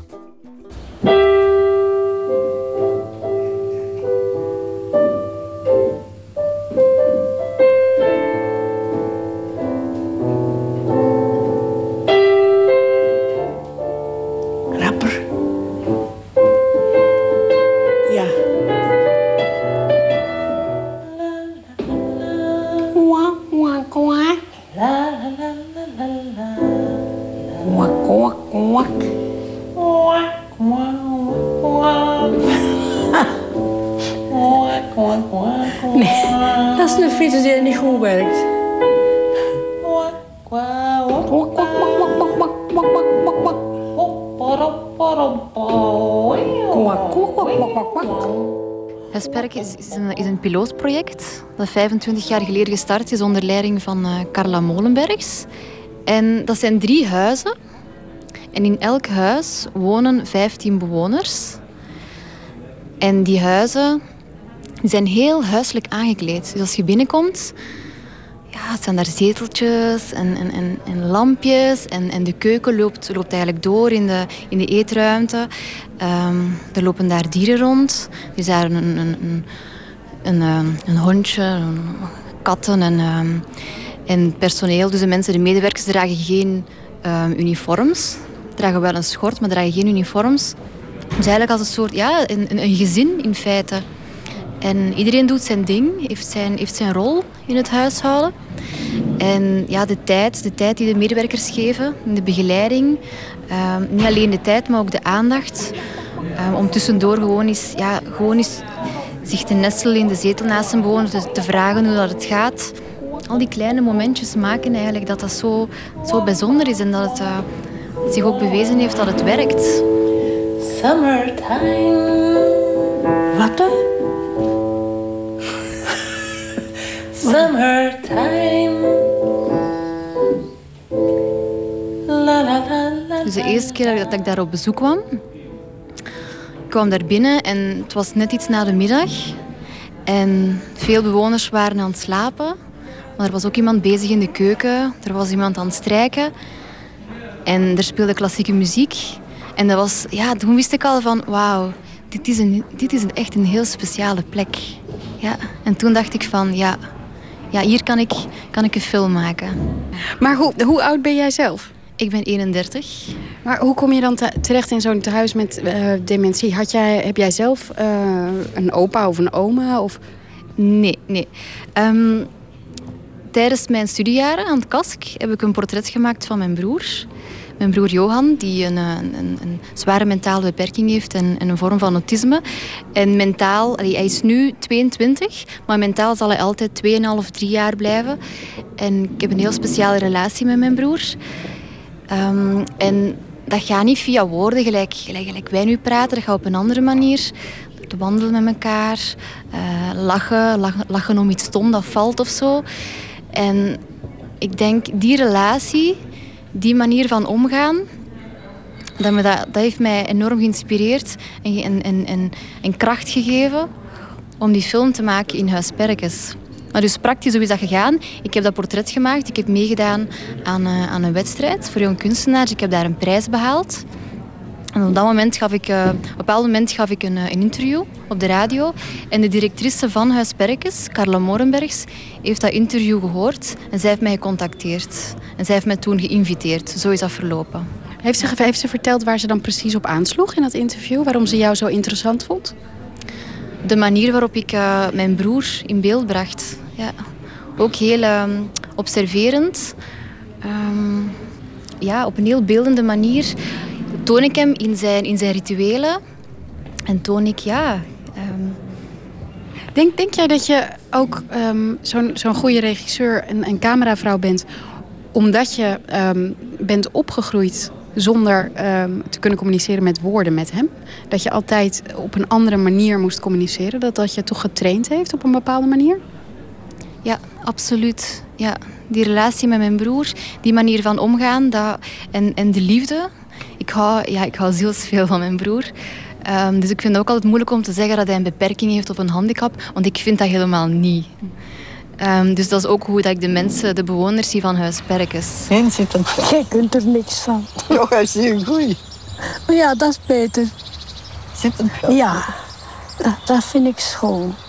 En die, die, die twee witte ogen zijn ook schoon. hè. Dat zijn de ogen van de moeder. Denk ik. zit er goed mee. Ja, maar Ja, want heel vaak eh, liet ik de camera gewoon draaien. Dus als ik zag dat er iets mooi gebeurde tussen twee mensen, een gesprek, eh zorgde ik voor om ja, het geluid op de juiste plaats te krijgen. Want ik werkte via zenders. Dat was ook de enige manier om zo intiem een inkijk te krijgen in, in, in die dynamiek. En dan kwam ik achteraf terug en dan bekeek ik de rushes. En dan, ja, dan ontdekte ik vaak ja, echt parels, parels van momenten. Hoe lang duurde het voordat je echt een, een soort fly on the wall was bij die, eh, bij die ouderen? Moesten, deden ze er lang over om aan je te wennen? Ehm, ik denk toch een paar maand. Ja, een paar maand. Dat ik eh, heel vaak aanwezig was in de huizen, dat ik meehielp, dat ik met de mensen ging wandelen. Eh, soms had ik mijn camera bij, soms niet. En dan kon ik aanvoelen. In het begin dat ik daar was, ehm, waren er ook eh, een paar familiebijeenkomsten geregeld, omdat er uiteindelijk ook ja, toestemmingen moesten gegeven worden vanuit de, ja, de, dochters, allee, de, de, de kinderen, de kinderen van, van de bewoners of de partners. Dat was heel belangrijk dat dat vertrouwen er was. Zonder vertrouwen kon dat nooit niet werken. Vertrouwen met de bewoners, met de families, met de medewerkers. Dus dat heeft wel een tijdje geduurd. Ik denk, ik denk drie, vier maanden of zo. En dan, ben ik, ja, dan kon ik ehm, een niveau verder gaan. Ik denk zoals ehm, de medewerkers hun job doen, hun dagdienst, ehm, de mensen koken voor de mensen, de mensen begeleiden waar het nodig is. Zo deed ik ook mijn job. Dus zo werd dat op de duur. Dus de mensen zagen mij als een deel van, eh, van die organische werking in huis. Dus dat werd ook niet meer in vraag gesteld of de mensen ehm, waren gewend aan mijn aanwezigheid. En als de bewoners liever niet hadden dat ik filmde, dan maakten ze dat wel heel duidelijk. Hoe dan? Ehm, sommigen verbaal en sommigen met een blik of een... Ja, dat voelt je gewoon aan. Allee, dat, ja. Nou ja, ik vind het, wat ik heel mooi vond aan de film is dat je een aantal hele intieme momenten hebt gevangen. Ehm, jij gaat bijvoorbeeld om met onderwerpen als, als naakt en dood. Je laat het zien zonder heel expliciet te worden. Wat ik heel erg mooi vind. Ehm, maar ik kan me voorstellen dat dat juist momenten zijn ook waar, waarbij zij zich misschien wel afschermen. Of misschien werkt dat helemaal niet zo. Ehm, ik, denk dat er op, ik denk dat er zo'n vertrouwen was dat daar geen gêne meer rond was. Ehm, de medewerkers, er wa- was een heel grote vertrouwensrelatie. Ehm, ik, ik, ik denk zelfs dat het interessant is om de vraag anders te stellen. Ik had soms wel. Ik had het vaak wel moeilijk. Van welke afstand neem ik aan? Zeker als er iemand aan het sterven is in huis. Je voelt dat heel erg. En met de families en zo, hoe doe je dat? Want uiteindelijk sta je daar nog altijd met een camera. Ehm, ja, Ja, want dat, dat lijkt me inderdaad ook lastig. Je portretteert ouderen die in principe niet meer eh, eh, bij vertegenwoordigheid van geest zijn om echt ja of nee te zeggen. Was dat voor jou persoonlijk nog een dilemma? Ja, nee, nee, wel. Elk, elk moment opnieuw, als ik dat huis, een van de huizen binnenging, ja, moest ik, moest, ja, stelde ik mezelf terug in vraag van waar ben ik mee bezig. Ook hetgeen dat er plaatsneemt, want het is niet dat je binnenkomt met een planning of zo. Je komt binnen in een familie en, en er gebeuren dingen, onverwachte dingen. Dus je gaat mee op een soort van golf en, en je voelt zelf wanneer dat je ja, een stap vooruit of een stap achteruit of, of verdwijnt. Op die manier, ja. Twee ogen zo blauw, zo innig en trouw. Al mijn geluk zijn die kijkers van jou. Twee ogen zo blauw. La la la la la la la la la. La la la la la. Dan begint ook het licht te ontluiken. En de liefde verandert toch nooit. Ehm, muziek speelt inderdaad een heel belangrijke rol in de film. Dat heb ik ook gaandeweg ontdekt toen ik daar was. Ehm, muziek is ook iets heel... er is heel veel onderzoek naar gedaan, ook wetenschappelijk. Bijvoorbeeld iemand kan zijn, kan zijn huwelijk van 50 jaar gewoon volledig vergeten zijn. Maar er, er speelt ergens een lied of iemand zingt... en die persoon begint gewoon dat lied mee te zingen. Allee, dat is ongelooflijk fascinerend. Ja, gelijk het stukje met Rosa aan de piano in de film. Dus Lieselot, Lieselot, de muziektherapeute, die improviseert op de piano. En Rosa met, met ene vinger begint zo mee te, te spelen. En, en je denkt in het begin van, ah ja, met haar vinger. Hè. Maar op een bepaald moment gebeurt er iets magisch. En, en ja, er een soort van samenspel. Ja, en dat is ongelooflijk. Wat ik heel mooi vind aan het, aan het huis, en ik vond het echt bijna jaloersmakend, eh, is dat je ziet hoeveel ehm, menselijk contact en, en lichamelijk contact ook vooral doet met die ouderen. En ik denk dat dat misschien een beetje ondergesneeuwd eh, raakt, sowieso in de verzorging van ouderen vaak. Ehm, was dat wat je ook graag wilde laten zien? Ehm, tuurlijk, mijn eerste bezoek, het was dat wat ik voelde. Het was die liefde. Die, het is alleen de dag van vandaag, als je oud bent en oké, als je gezond bent, dan kan je mee. Dan kan je mee met de maatschappij, dan kan je genieten van activiteiten en sociale contacten. Maar als er, als er een ziekte aan de oppervlakte komt, zoals dementie, dan, ja, dan, dan belanden de meeste mensen ergens in een, eh, in een vergetelhoek. Allee, ze krijgen ergens wel een plaats, maar, maar er wordt niks meer mee gedaan. Dat is de realiteit. En daarom, dat dit, ehm, daarom ook het belang van de film, denk ik. Om te tonen, niet hoe iets zou moeten zijn, maar hoe iets zou kunnen zijn. Ja. En dat je ook ziet dat... ehm, dat er een soort van maatschappelijk draagvlak is. Bijvoorbeeld de kinderen. De kinderen uit het schooltje in de buurt die meekomen breien met de mensen en, en, en die conversaties onderling en in het koor. Ehm, en uiteindelijk, Huis Perkins is ook een plek, een, een, aangename plek, een vertrouwelijke plek waar eh, families op bezoek kunnen komen bij hun, bij hun geliefde of hun vader of hun moeder ook belangrijk. Niet in een of andere steriele ruimte. Over het algemeen eh, houden mensen er niet heel erg van om, naar, om over dementie na te denken of om er naar te kijken. Was dat iets wat je heel graag wilde met deze film? Dat je ze dwingt om te kijken? Absoluut, ja. Ehm, ik wist vrij snel hoe dat ik de film, hoe dat ik dat zou benaderen, het onderwerp. Ehm, de eerste reactie van mensen als ik over de film vertel is van oh nee, Griet, zo deprimerend. Je gaat toch geen film maken van mensen die de hele tijd in de zetel zitten. En, ja, maar dat is echt de reactie dat je krijgt. Ja.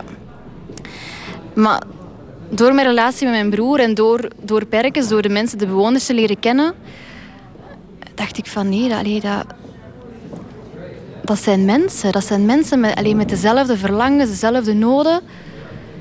En dat is hetgeen dat ik zag. En daar, daar, daar, daar staan wij vaak niet bij stil. Wij zien hetgeen dat er niet meer is. Maar wat er wel nog is, dat wou ik tonen. Ja, dat wou ik echt tonen in deze film. Ja.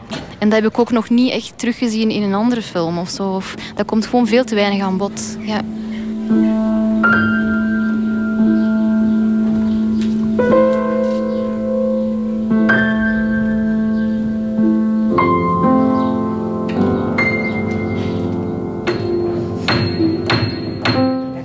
Er was één vrouw en die zei mij dat op weg naar de film dat ze met haar zus aan het praten was en dat ze, ze waren bezig over hun vader die dementie heeft. En ze waren, ja, ze waren een beetje lastig met de situatie omdat ze vonden dat hun vader het hen moeilijk maakte door zo verder te willen leven op zijn manier. En nadat ze de film gezien had, had ze mij een, lang, een lange mail geschreven waarin dat ze zei van Griet, ik ben teruggereden in de auto met mijn zus naar de film en ja, dat heeft ons zo geraakt dat we gaan dat allemaal terug omgooien en een manier vinden dat we ons vader een plek kunnen geven en die ruimte dat hij kan zijn zoals hij nu is. Ja, ja, dat, dat, dat, ja, dat, is, dat is zo schoon. Dat is, dat is het schoonste wat dat je kunt... Dat is cadeau gewoon. Ja.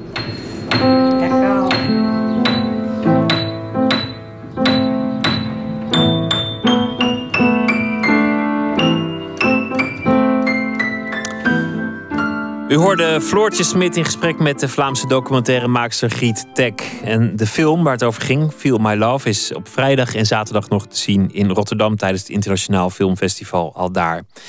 We gaan luisteren naar uh, de gelegenheidsformatie Broken Bells. En dat is een uh, groep gevormd rond de producer Danger Mouse en de zanger-gitarist James Mercer, die normaal bij The Shins zit. En overmorgen verschijnt hun uh, nieuwe album. Dat heet Broken Bells. En daarvan hoort u nu alvast The Angel en The Fool.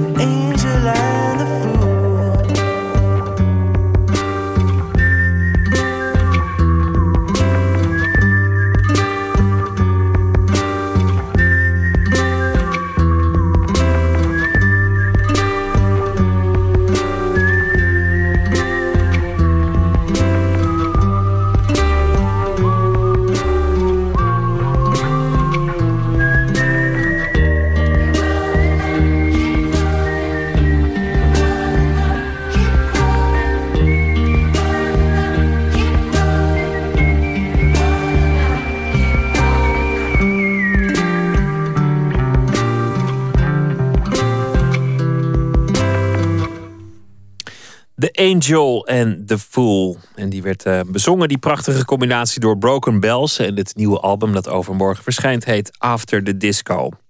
In de rubriek Door de Nacht vragen wij mensen wat hen ooit letterlijk of figuurlijk door de donkere nacht heeft geholpen.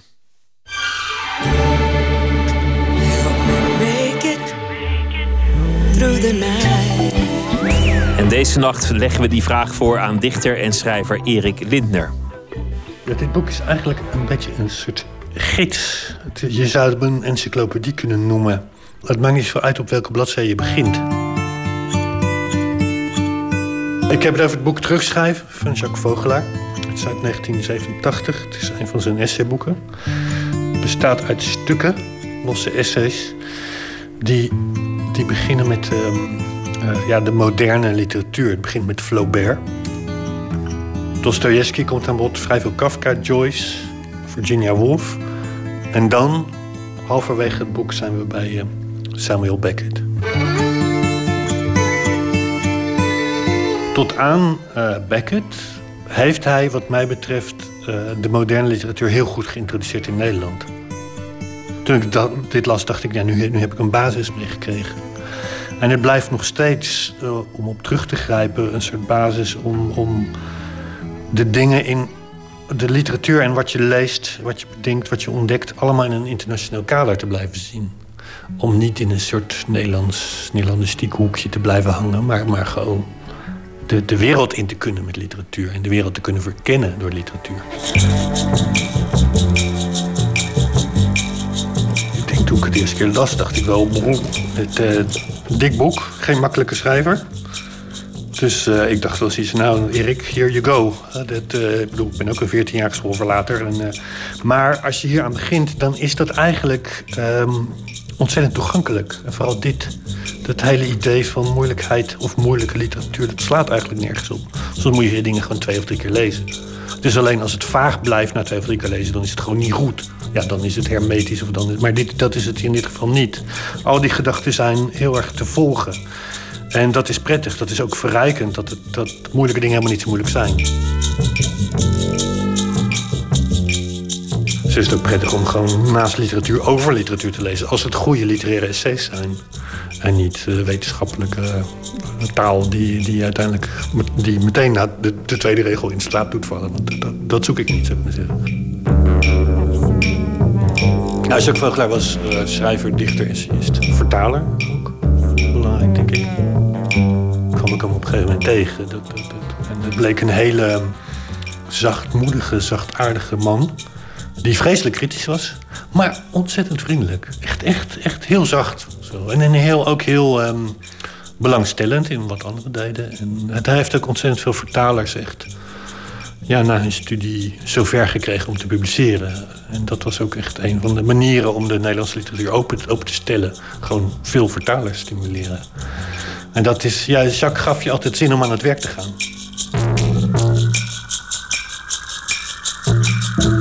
Vooral als je met hem praatte, dan, kreeg je toch meestal zo'n adrenaline stoot van... ja, we gaan het ook doen. Verdomme, eigenlijk is het niet zo moeilijk. Misschien een beetje raar, maar dat is hetgene wat je niet s'nachts moet doen als je, als je wil slapen. Want eigenlijk word je er heel wakker van. Maar ook door, door hoe hij schrijft. In zekere zin schrijft hij, het is niet heel erg gestileerd. Het is ook niet slordig, maar het, het is niet een mooi schrijver. Maar hij maakt wel heel veel open voor je. Hij, hij, hij doet je heel veel werelden ontdekken. Het is raar, het is...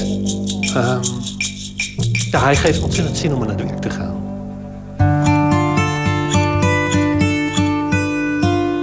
In die ontzettend bijna briljante, dat gigantische geheugen. Heel veel grapjes. Als je met hem in de balie witbier zat te drinken, was, was ontzettend grappig. Dus hij maakte overal grapjes over, terwijl hij wel tot een soort hoofdlijn was van iets wat hij wilde vertellen. Dat, dat opzwepende zal ik missen. Dat moeten we nu zelf zonder Jacques doen. We moeten zonder Jacques door. En dat is af en toe een opgave.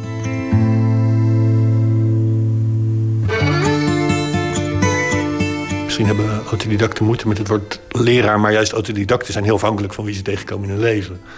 Dus hij, uh, mentor is ook niet een groot, maar, maar iemand die je opzweept. Die een tijdje met je oploopt en waardoor je een zwier krijgt en veel sneller gaat dan daarvoor.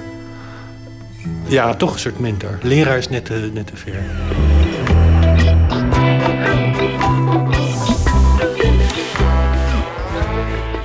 Schrijver en dichter Erik Lindner sprak over het boek Terugschrijven van Jacques Vogelaar.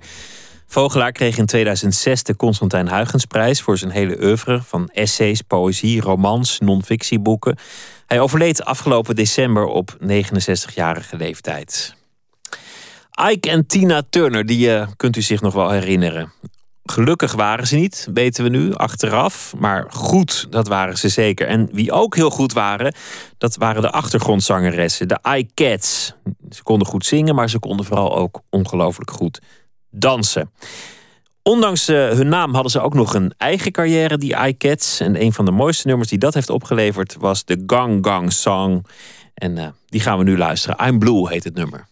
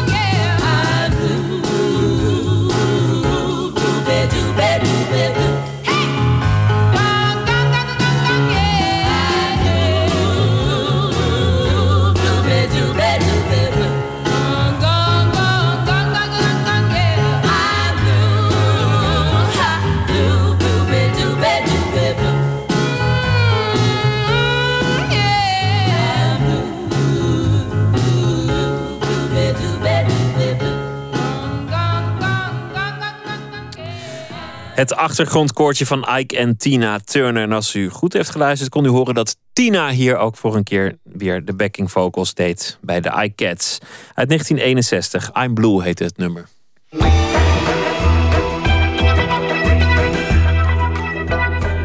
De VPRO Nooit meer slapen. Eerder op de avond is de VSB Poëzieprijs uitgereikt. U hoorde al de vijf genomineerden vorige week bij ons aan het woord. Maria Barnas, Mirjam van Hey, Antoine de Kom, Misha Hamel en F. van Dixhoorn. Nou, en vanavond ging die prijs dus naar Antoine de Kom... de Nederlands-Surinaamse forensisch psychiater en dichter... vanwege zijn bundel Ritmisch zonder string. Verslaggever Tjitske Mussen was bij de uitreiking en sprak met juryvoorzitter Ahmed Abu Taleb, eh, burgemeester van Rotterdam en natuurlijk met de winnaar. Luister naar de reportage. Antoine de Kom, van harte gefeliciteerd met het winnen van de VSB Poëzieprijs 2013 voor de beste bundel. Hartelijk dank. Uh, uh, het is voor mij toch ook wel een verrassing, moet ik zeggen. Ja, was het echt een verrassing? Uh, ja, ik, kijk, ik, ik heb me eigenlijk uh, uh, al heel lang volkomen op de poëzie geconcentreerd. En let niet zo heel erg op de reacties. Je, ziet nog wel eens wat, maar ik probeer mij echt, echt bij de poëzie te houden. Want daar gaat het tenslotte om. Daar, daar, daar, leef je in, als het ware, als je dichter wil zijn. Um, en tot mijn grote verbazing werd ik op een goede dag opgebeld... met de mededeling dat ik was genomineerd. en ja, ik reageerde daar niet meteen dol enthousiast op. Uh, omdat ik toch even moest wennen aan dat idee. En de mevrouw die mij belde, die vroeg uh, vervolgens... bent u eigenlijk wel blij?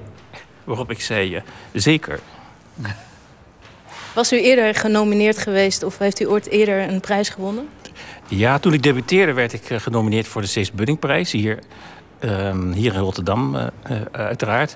En vervolgens ben ik uit mijn hoofd in 2006 genomineerd geweest voor de Ida Gerhard Poëzieprijs. Dus het fenomeen is u niet helemaal vreemd? Nee, en ergens is het natuurlijk wel prettig als je van tijd tot tijd uh, genomineerd wordt. Omdat je dan toch het gevoel krijgt dat dat wat je doet uh, uh, ja, toch ergens op slaat. Meneer Abu u zit hiernaast. U was juryvoorzitter. U had een uh, zware dobber. Er waren geloof ik iets van 120 bundels ingestuurd afgelopen jaar. Waar hebben jullie zo op gelet? Nou, er was een grote oogst. Um, en daar, uh, daar kun je alleen maar als land heel blij mee zijn. Dat betekent dat er heel veel mensen zich bezighouden met, met poëzie. Wat ook op zichzelf een, een kleine niche is in de Nederlandse literatuur. Um, uh, reden te meer overigens om meer van dit soort prijzen te hebben... en ook dit soort avonden te hebben om literatuur uh, uh, goed centraal te zetten in de, in de Nederlandse samenleving. En zeker poëzie. waar, waar we op gelet hebben is eigenlijk velerlei dingen. Dat is niet echt in één regel te vatten. het is de zeggingskracht, de verbeelding. Het is de manier waarop een een, eh, een dichter zich uit. Ehm, het spelen met woorden. Ehm, ik ben zelf geen, ehm, geen dichter, dus ik kan er zelf heel moeilijk uh, over, over oordelen. Maar er waren vier zeer vakkundige mensen in de jury. Twee, twee dichters en twee hoogleraren die wel van wanten wisten. Mijn rol was daarin eigenlijk vooral eentje van een procesbegeleider. Maar waanzinnig veel leuk om te doen. En ik ben natuurlijk gedwongen om even te lezen. En dat, dat... Ja, want u bent wel een liefhebber, toch? U staat bekend als een poëzieliefhebber. Ja, ik, ik ben zeker een, een poëzieliefhebber. En ik waag mij wel eens aan het vertalen van een enkel gedicht uit, uh, uit de Arabische uh, poëzie. Um, ik, ik, hou zelf ook heel veel, uh, misschien is dat een idee overigens, van poëzie op muziek. Um, dat doen we in Nederland niet zo heel veel. het is, het is, in, Nederland is dat vooral de kracht van het woord. en de ruimte tussen het woord en de stiltes bij de voordracht. Maar we doen niet zo heel veel met, met muziek. Um, en ik, ik, heb wel eens een, een, lang gedicht van Adonis uh, vertaald. en ik heb wel eens me bezig gehouden met werk van Les, een Sofie-dichter, uh, lang geleden. Dat vind ik wel mooi. Ook omdat... Hebt u daar nog een regel van? Nou, Les uh, had, is onthoofd overigens om een, een gedicht de, onder de titel De Waarheid... waarin hij iets zegt over, over God. En in die, in die periode kun je maar beter van God afblijven. En zijn gedicht was uh, God, wat God, kijk naar mij, ik ben het. En dat werd uitgelegd als een, een vorm van, van de weg kwijtraken, het kwijtra kwijtraken in de, in de religie. is daarom ook zo onthoofd. Um, en, hij heeft dus veel meer van dat prachtige werk geschreven in die, in die, in die periode. Um, maar wat ik zelf ook zo mooi vind in die, in die type poëzie... is uh, de performance, de voordracht ook aan zichzelf... is al eigenlijk een vorm van, van kunst zelf. Maar wat ik zo mooi vind ook in de Nederlandse uh, dichtkunst... is inderdaad ook de rust. Het streven naar de kracht van het woord. De verbeelding, dingen uitbeelden. Dat vind ik zo mooi. En, het, en ik denk dat uh, Antoine de Kom in dat opzicht door de jury ook terecht als winnaar is aangewezen voor de, de prijs van 2014. Um, het is grappig dat u noemt dat, uh, dat voorlezen, het, de performance, zo, uh, vindt u, daar houdt u van, van dat soort poëzie.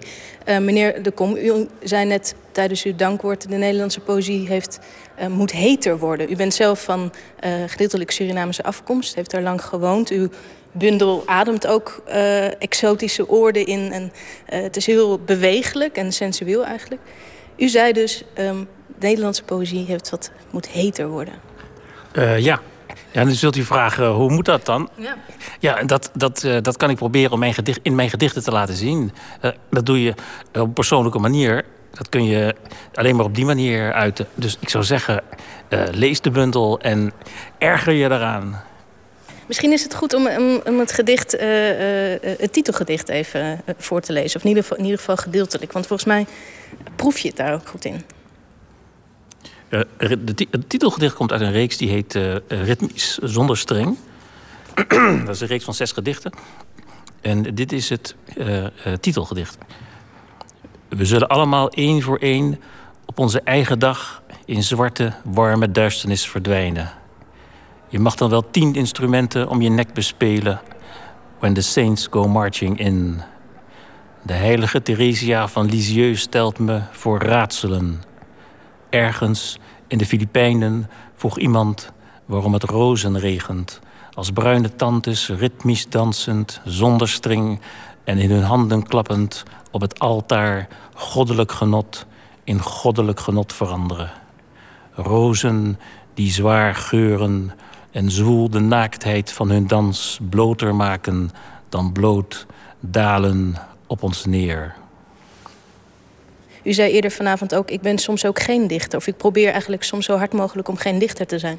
Uh, nou, de belangrijkste uh, manier waarop ik als dichter overeind blijf... is door mezelf te verbieden om ooit nog een gedicht te schrijven. En na het ontvangen van deze prijs is dat alleen maar sterker geworden. Maar hoe werkt dat dan? Ik bedoel, is dat echt, zit dat in uw hoofd van, nou, nu, nu, nu stop ik ermee? Uh, nee, ik, ik denk er gewoon niet aan. anderen zeggen dat je dichter bent, maar uh, ik denk er niet aan. Ik doe uh, de alledaagse dingen. Uh, ik doe mijn werk als psychiater met delinquenten. Um, en ik, ik geniet van alles wat er, wat er te lezen valt. En wat er om me heen te beleven is. En ik probeer zoveel mogelijk te reizen. Als ik de mensen niet bij de familie ben. Um, en ja, dan kan het zomaar ineens op, op de meest onmogelijke plaatsen gebeuren... dat zich een gedicht aandient. En als dat gebeurt, dan moet je daar natuurlijk wel voor openstaan. Um, en je erop concentreren. en ja, uh, het kan gebeuren dat het ook wat is. En is het niks, dan uh, moet het meteen weg. Maar u zegt het kan zo gebeuren, of als dat opkomt, dan moet ik daarmee aan de gang. Maar hoe, hoe moet ik me dat voorstellen in het dagelijks leven? U werkt inderdaad als, als forensische psychiater. Dat is uw dagelijkse baan, om het zo maar te zeggen. Maar waar piept dan die poëzie doorheen? Dat kan op de meest vreemde momenten zijn. Dat kan gebeuren terwijl je je tanden aan het poetsen bent. Of wanneer je in de Albert Heijn staat. Uh, uh, of ja, wanneer je ergens even zit, te, zit nou, je denkt te zitten pijnzen. Maar dan blijkt het toch iets anders te zijn. Maar het is een, een beeld, een zin. Uh, dat, dat kan, op, kan van alles zijn. Dat kan een frase zijn, een raar woord of een verzameling rare woorden. Indrukken, beelden, geluiden. Dat kan, kan van alles zijn. Ook, ook daar mag ik verder niet aan denken. Meneer Abu Talib, u zei in uw uh, juryrapport... U prees de, de manier waarop deze poëzie de wereld inkomt. Hoe de wereld naar ons toe komt in deze gedichten. Um, kunt u daar iets over zeggen? Nou ja, wij hebben te maken gehad met, uh, als jury met een geweldige grote diversiteit. Um, en um, Antoine de Kom staat ook voor die diversiteit. niet alleen hij, maar heel veel anderen die zo langzamerhand een grote literaire schilderij van Nederland invullen, inkleuren. En dat is mooi, dat is werkelijk verrijkend. om vanuit hele andere invalshoeken naar de Nederlandse literatuur te kijken. en ook daar een bijdrage aan, aan te leveren. ik vind het schitterend. ik kan er enorm van, van, van genieten.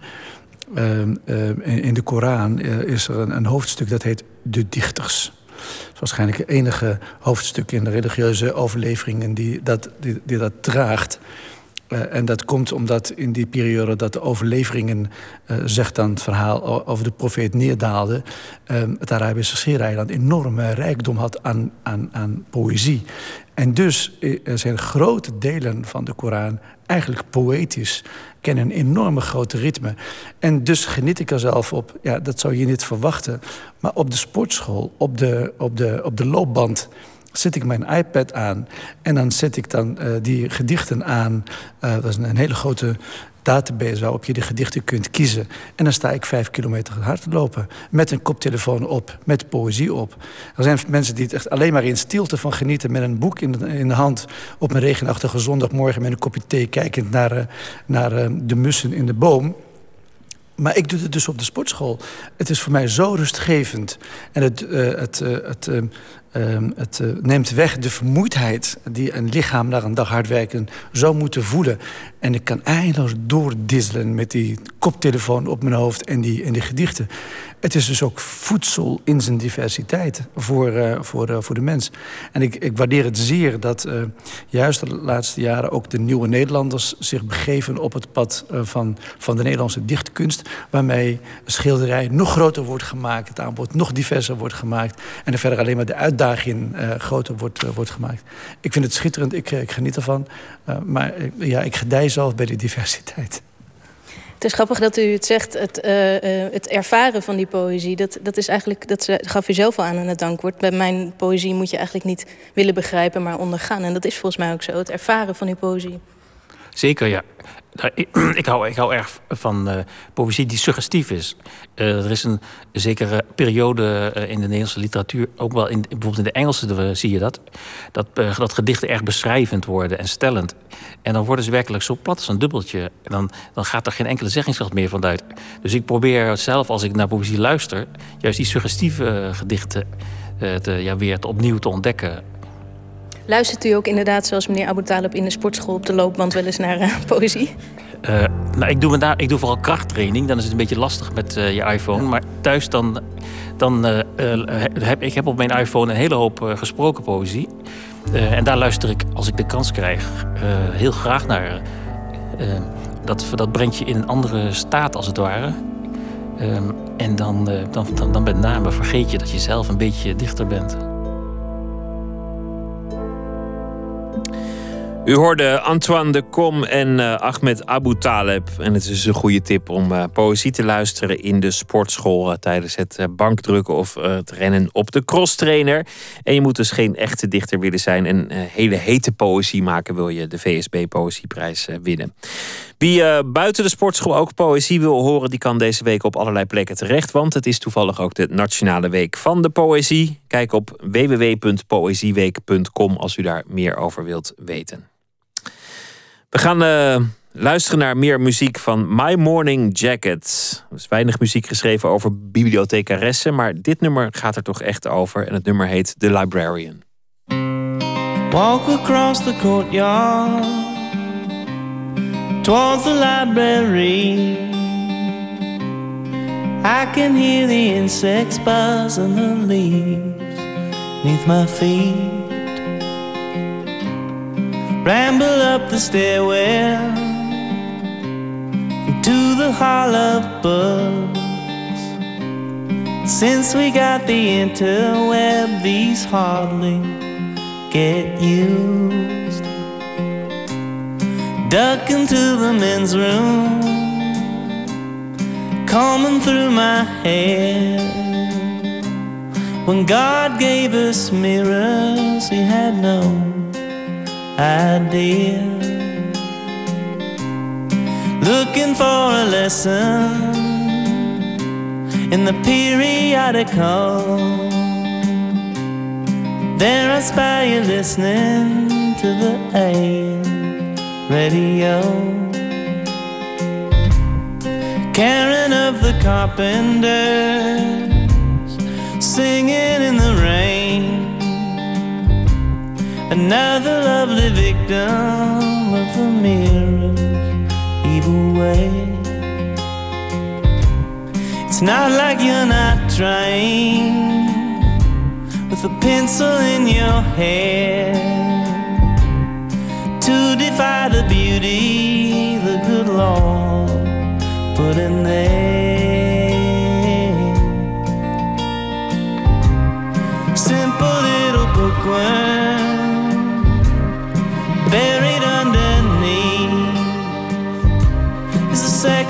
librarian.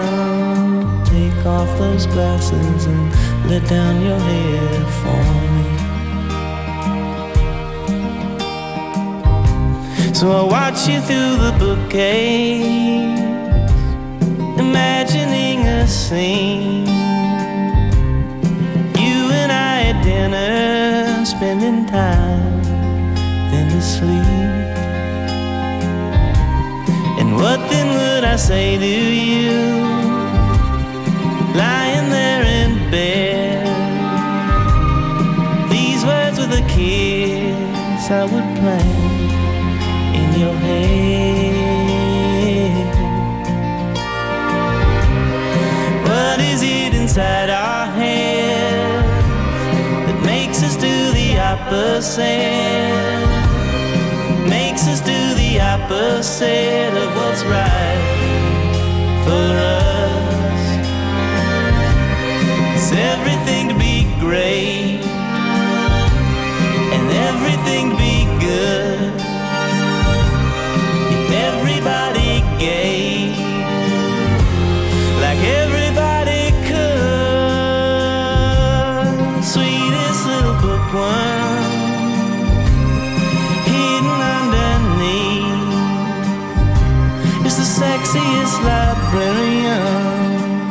off those glasses and let down your hair for me.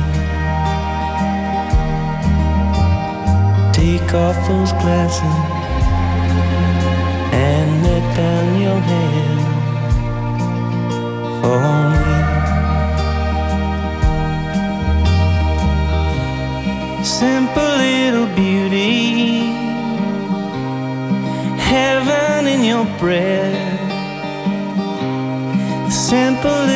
Pleasures, the at its best.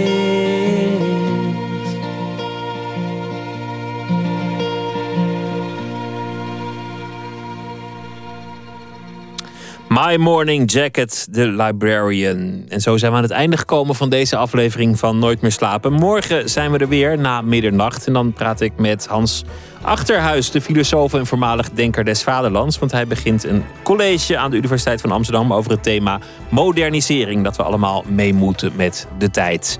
Dat dus eh, morgen. Fijn dat u heeft geluisterd. Ik wens u nog een hele mooie nacht. En morgen ook een hele vrolijke dag. En graag eh, tot dan. Op Radio 1, het nieuws van alle kanten.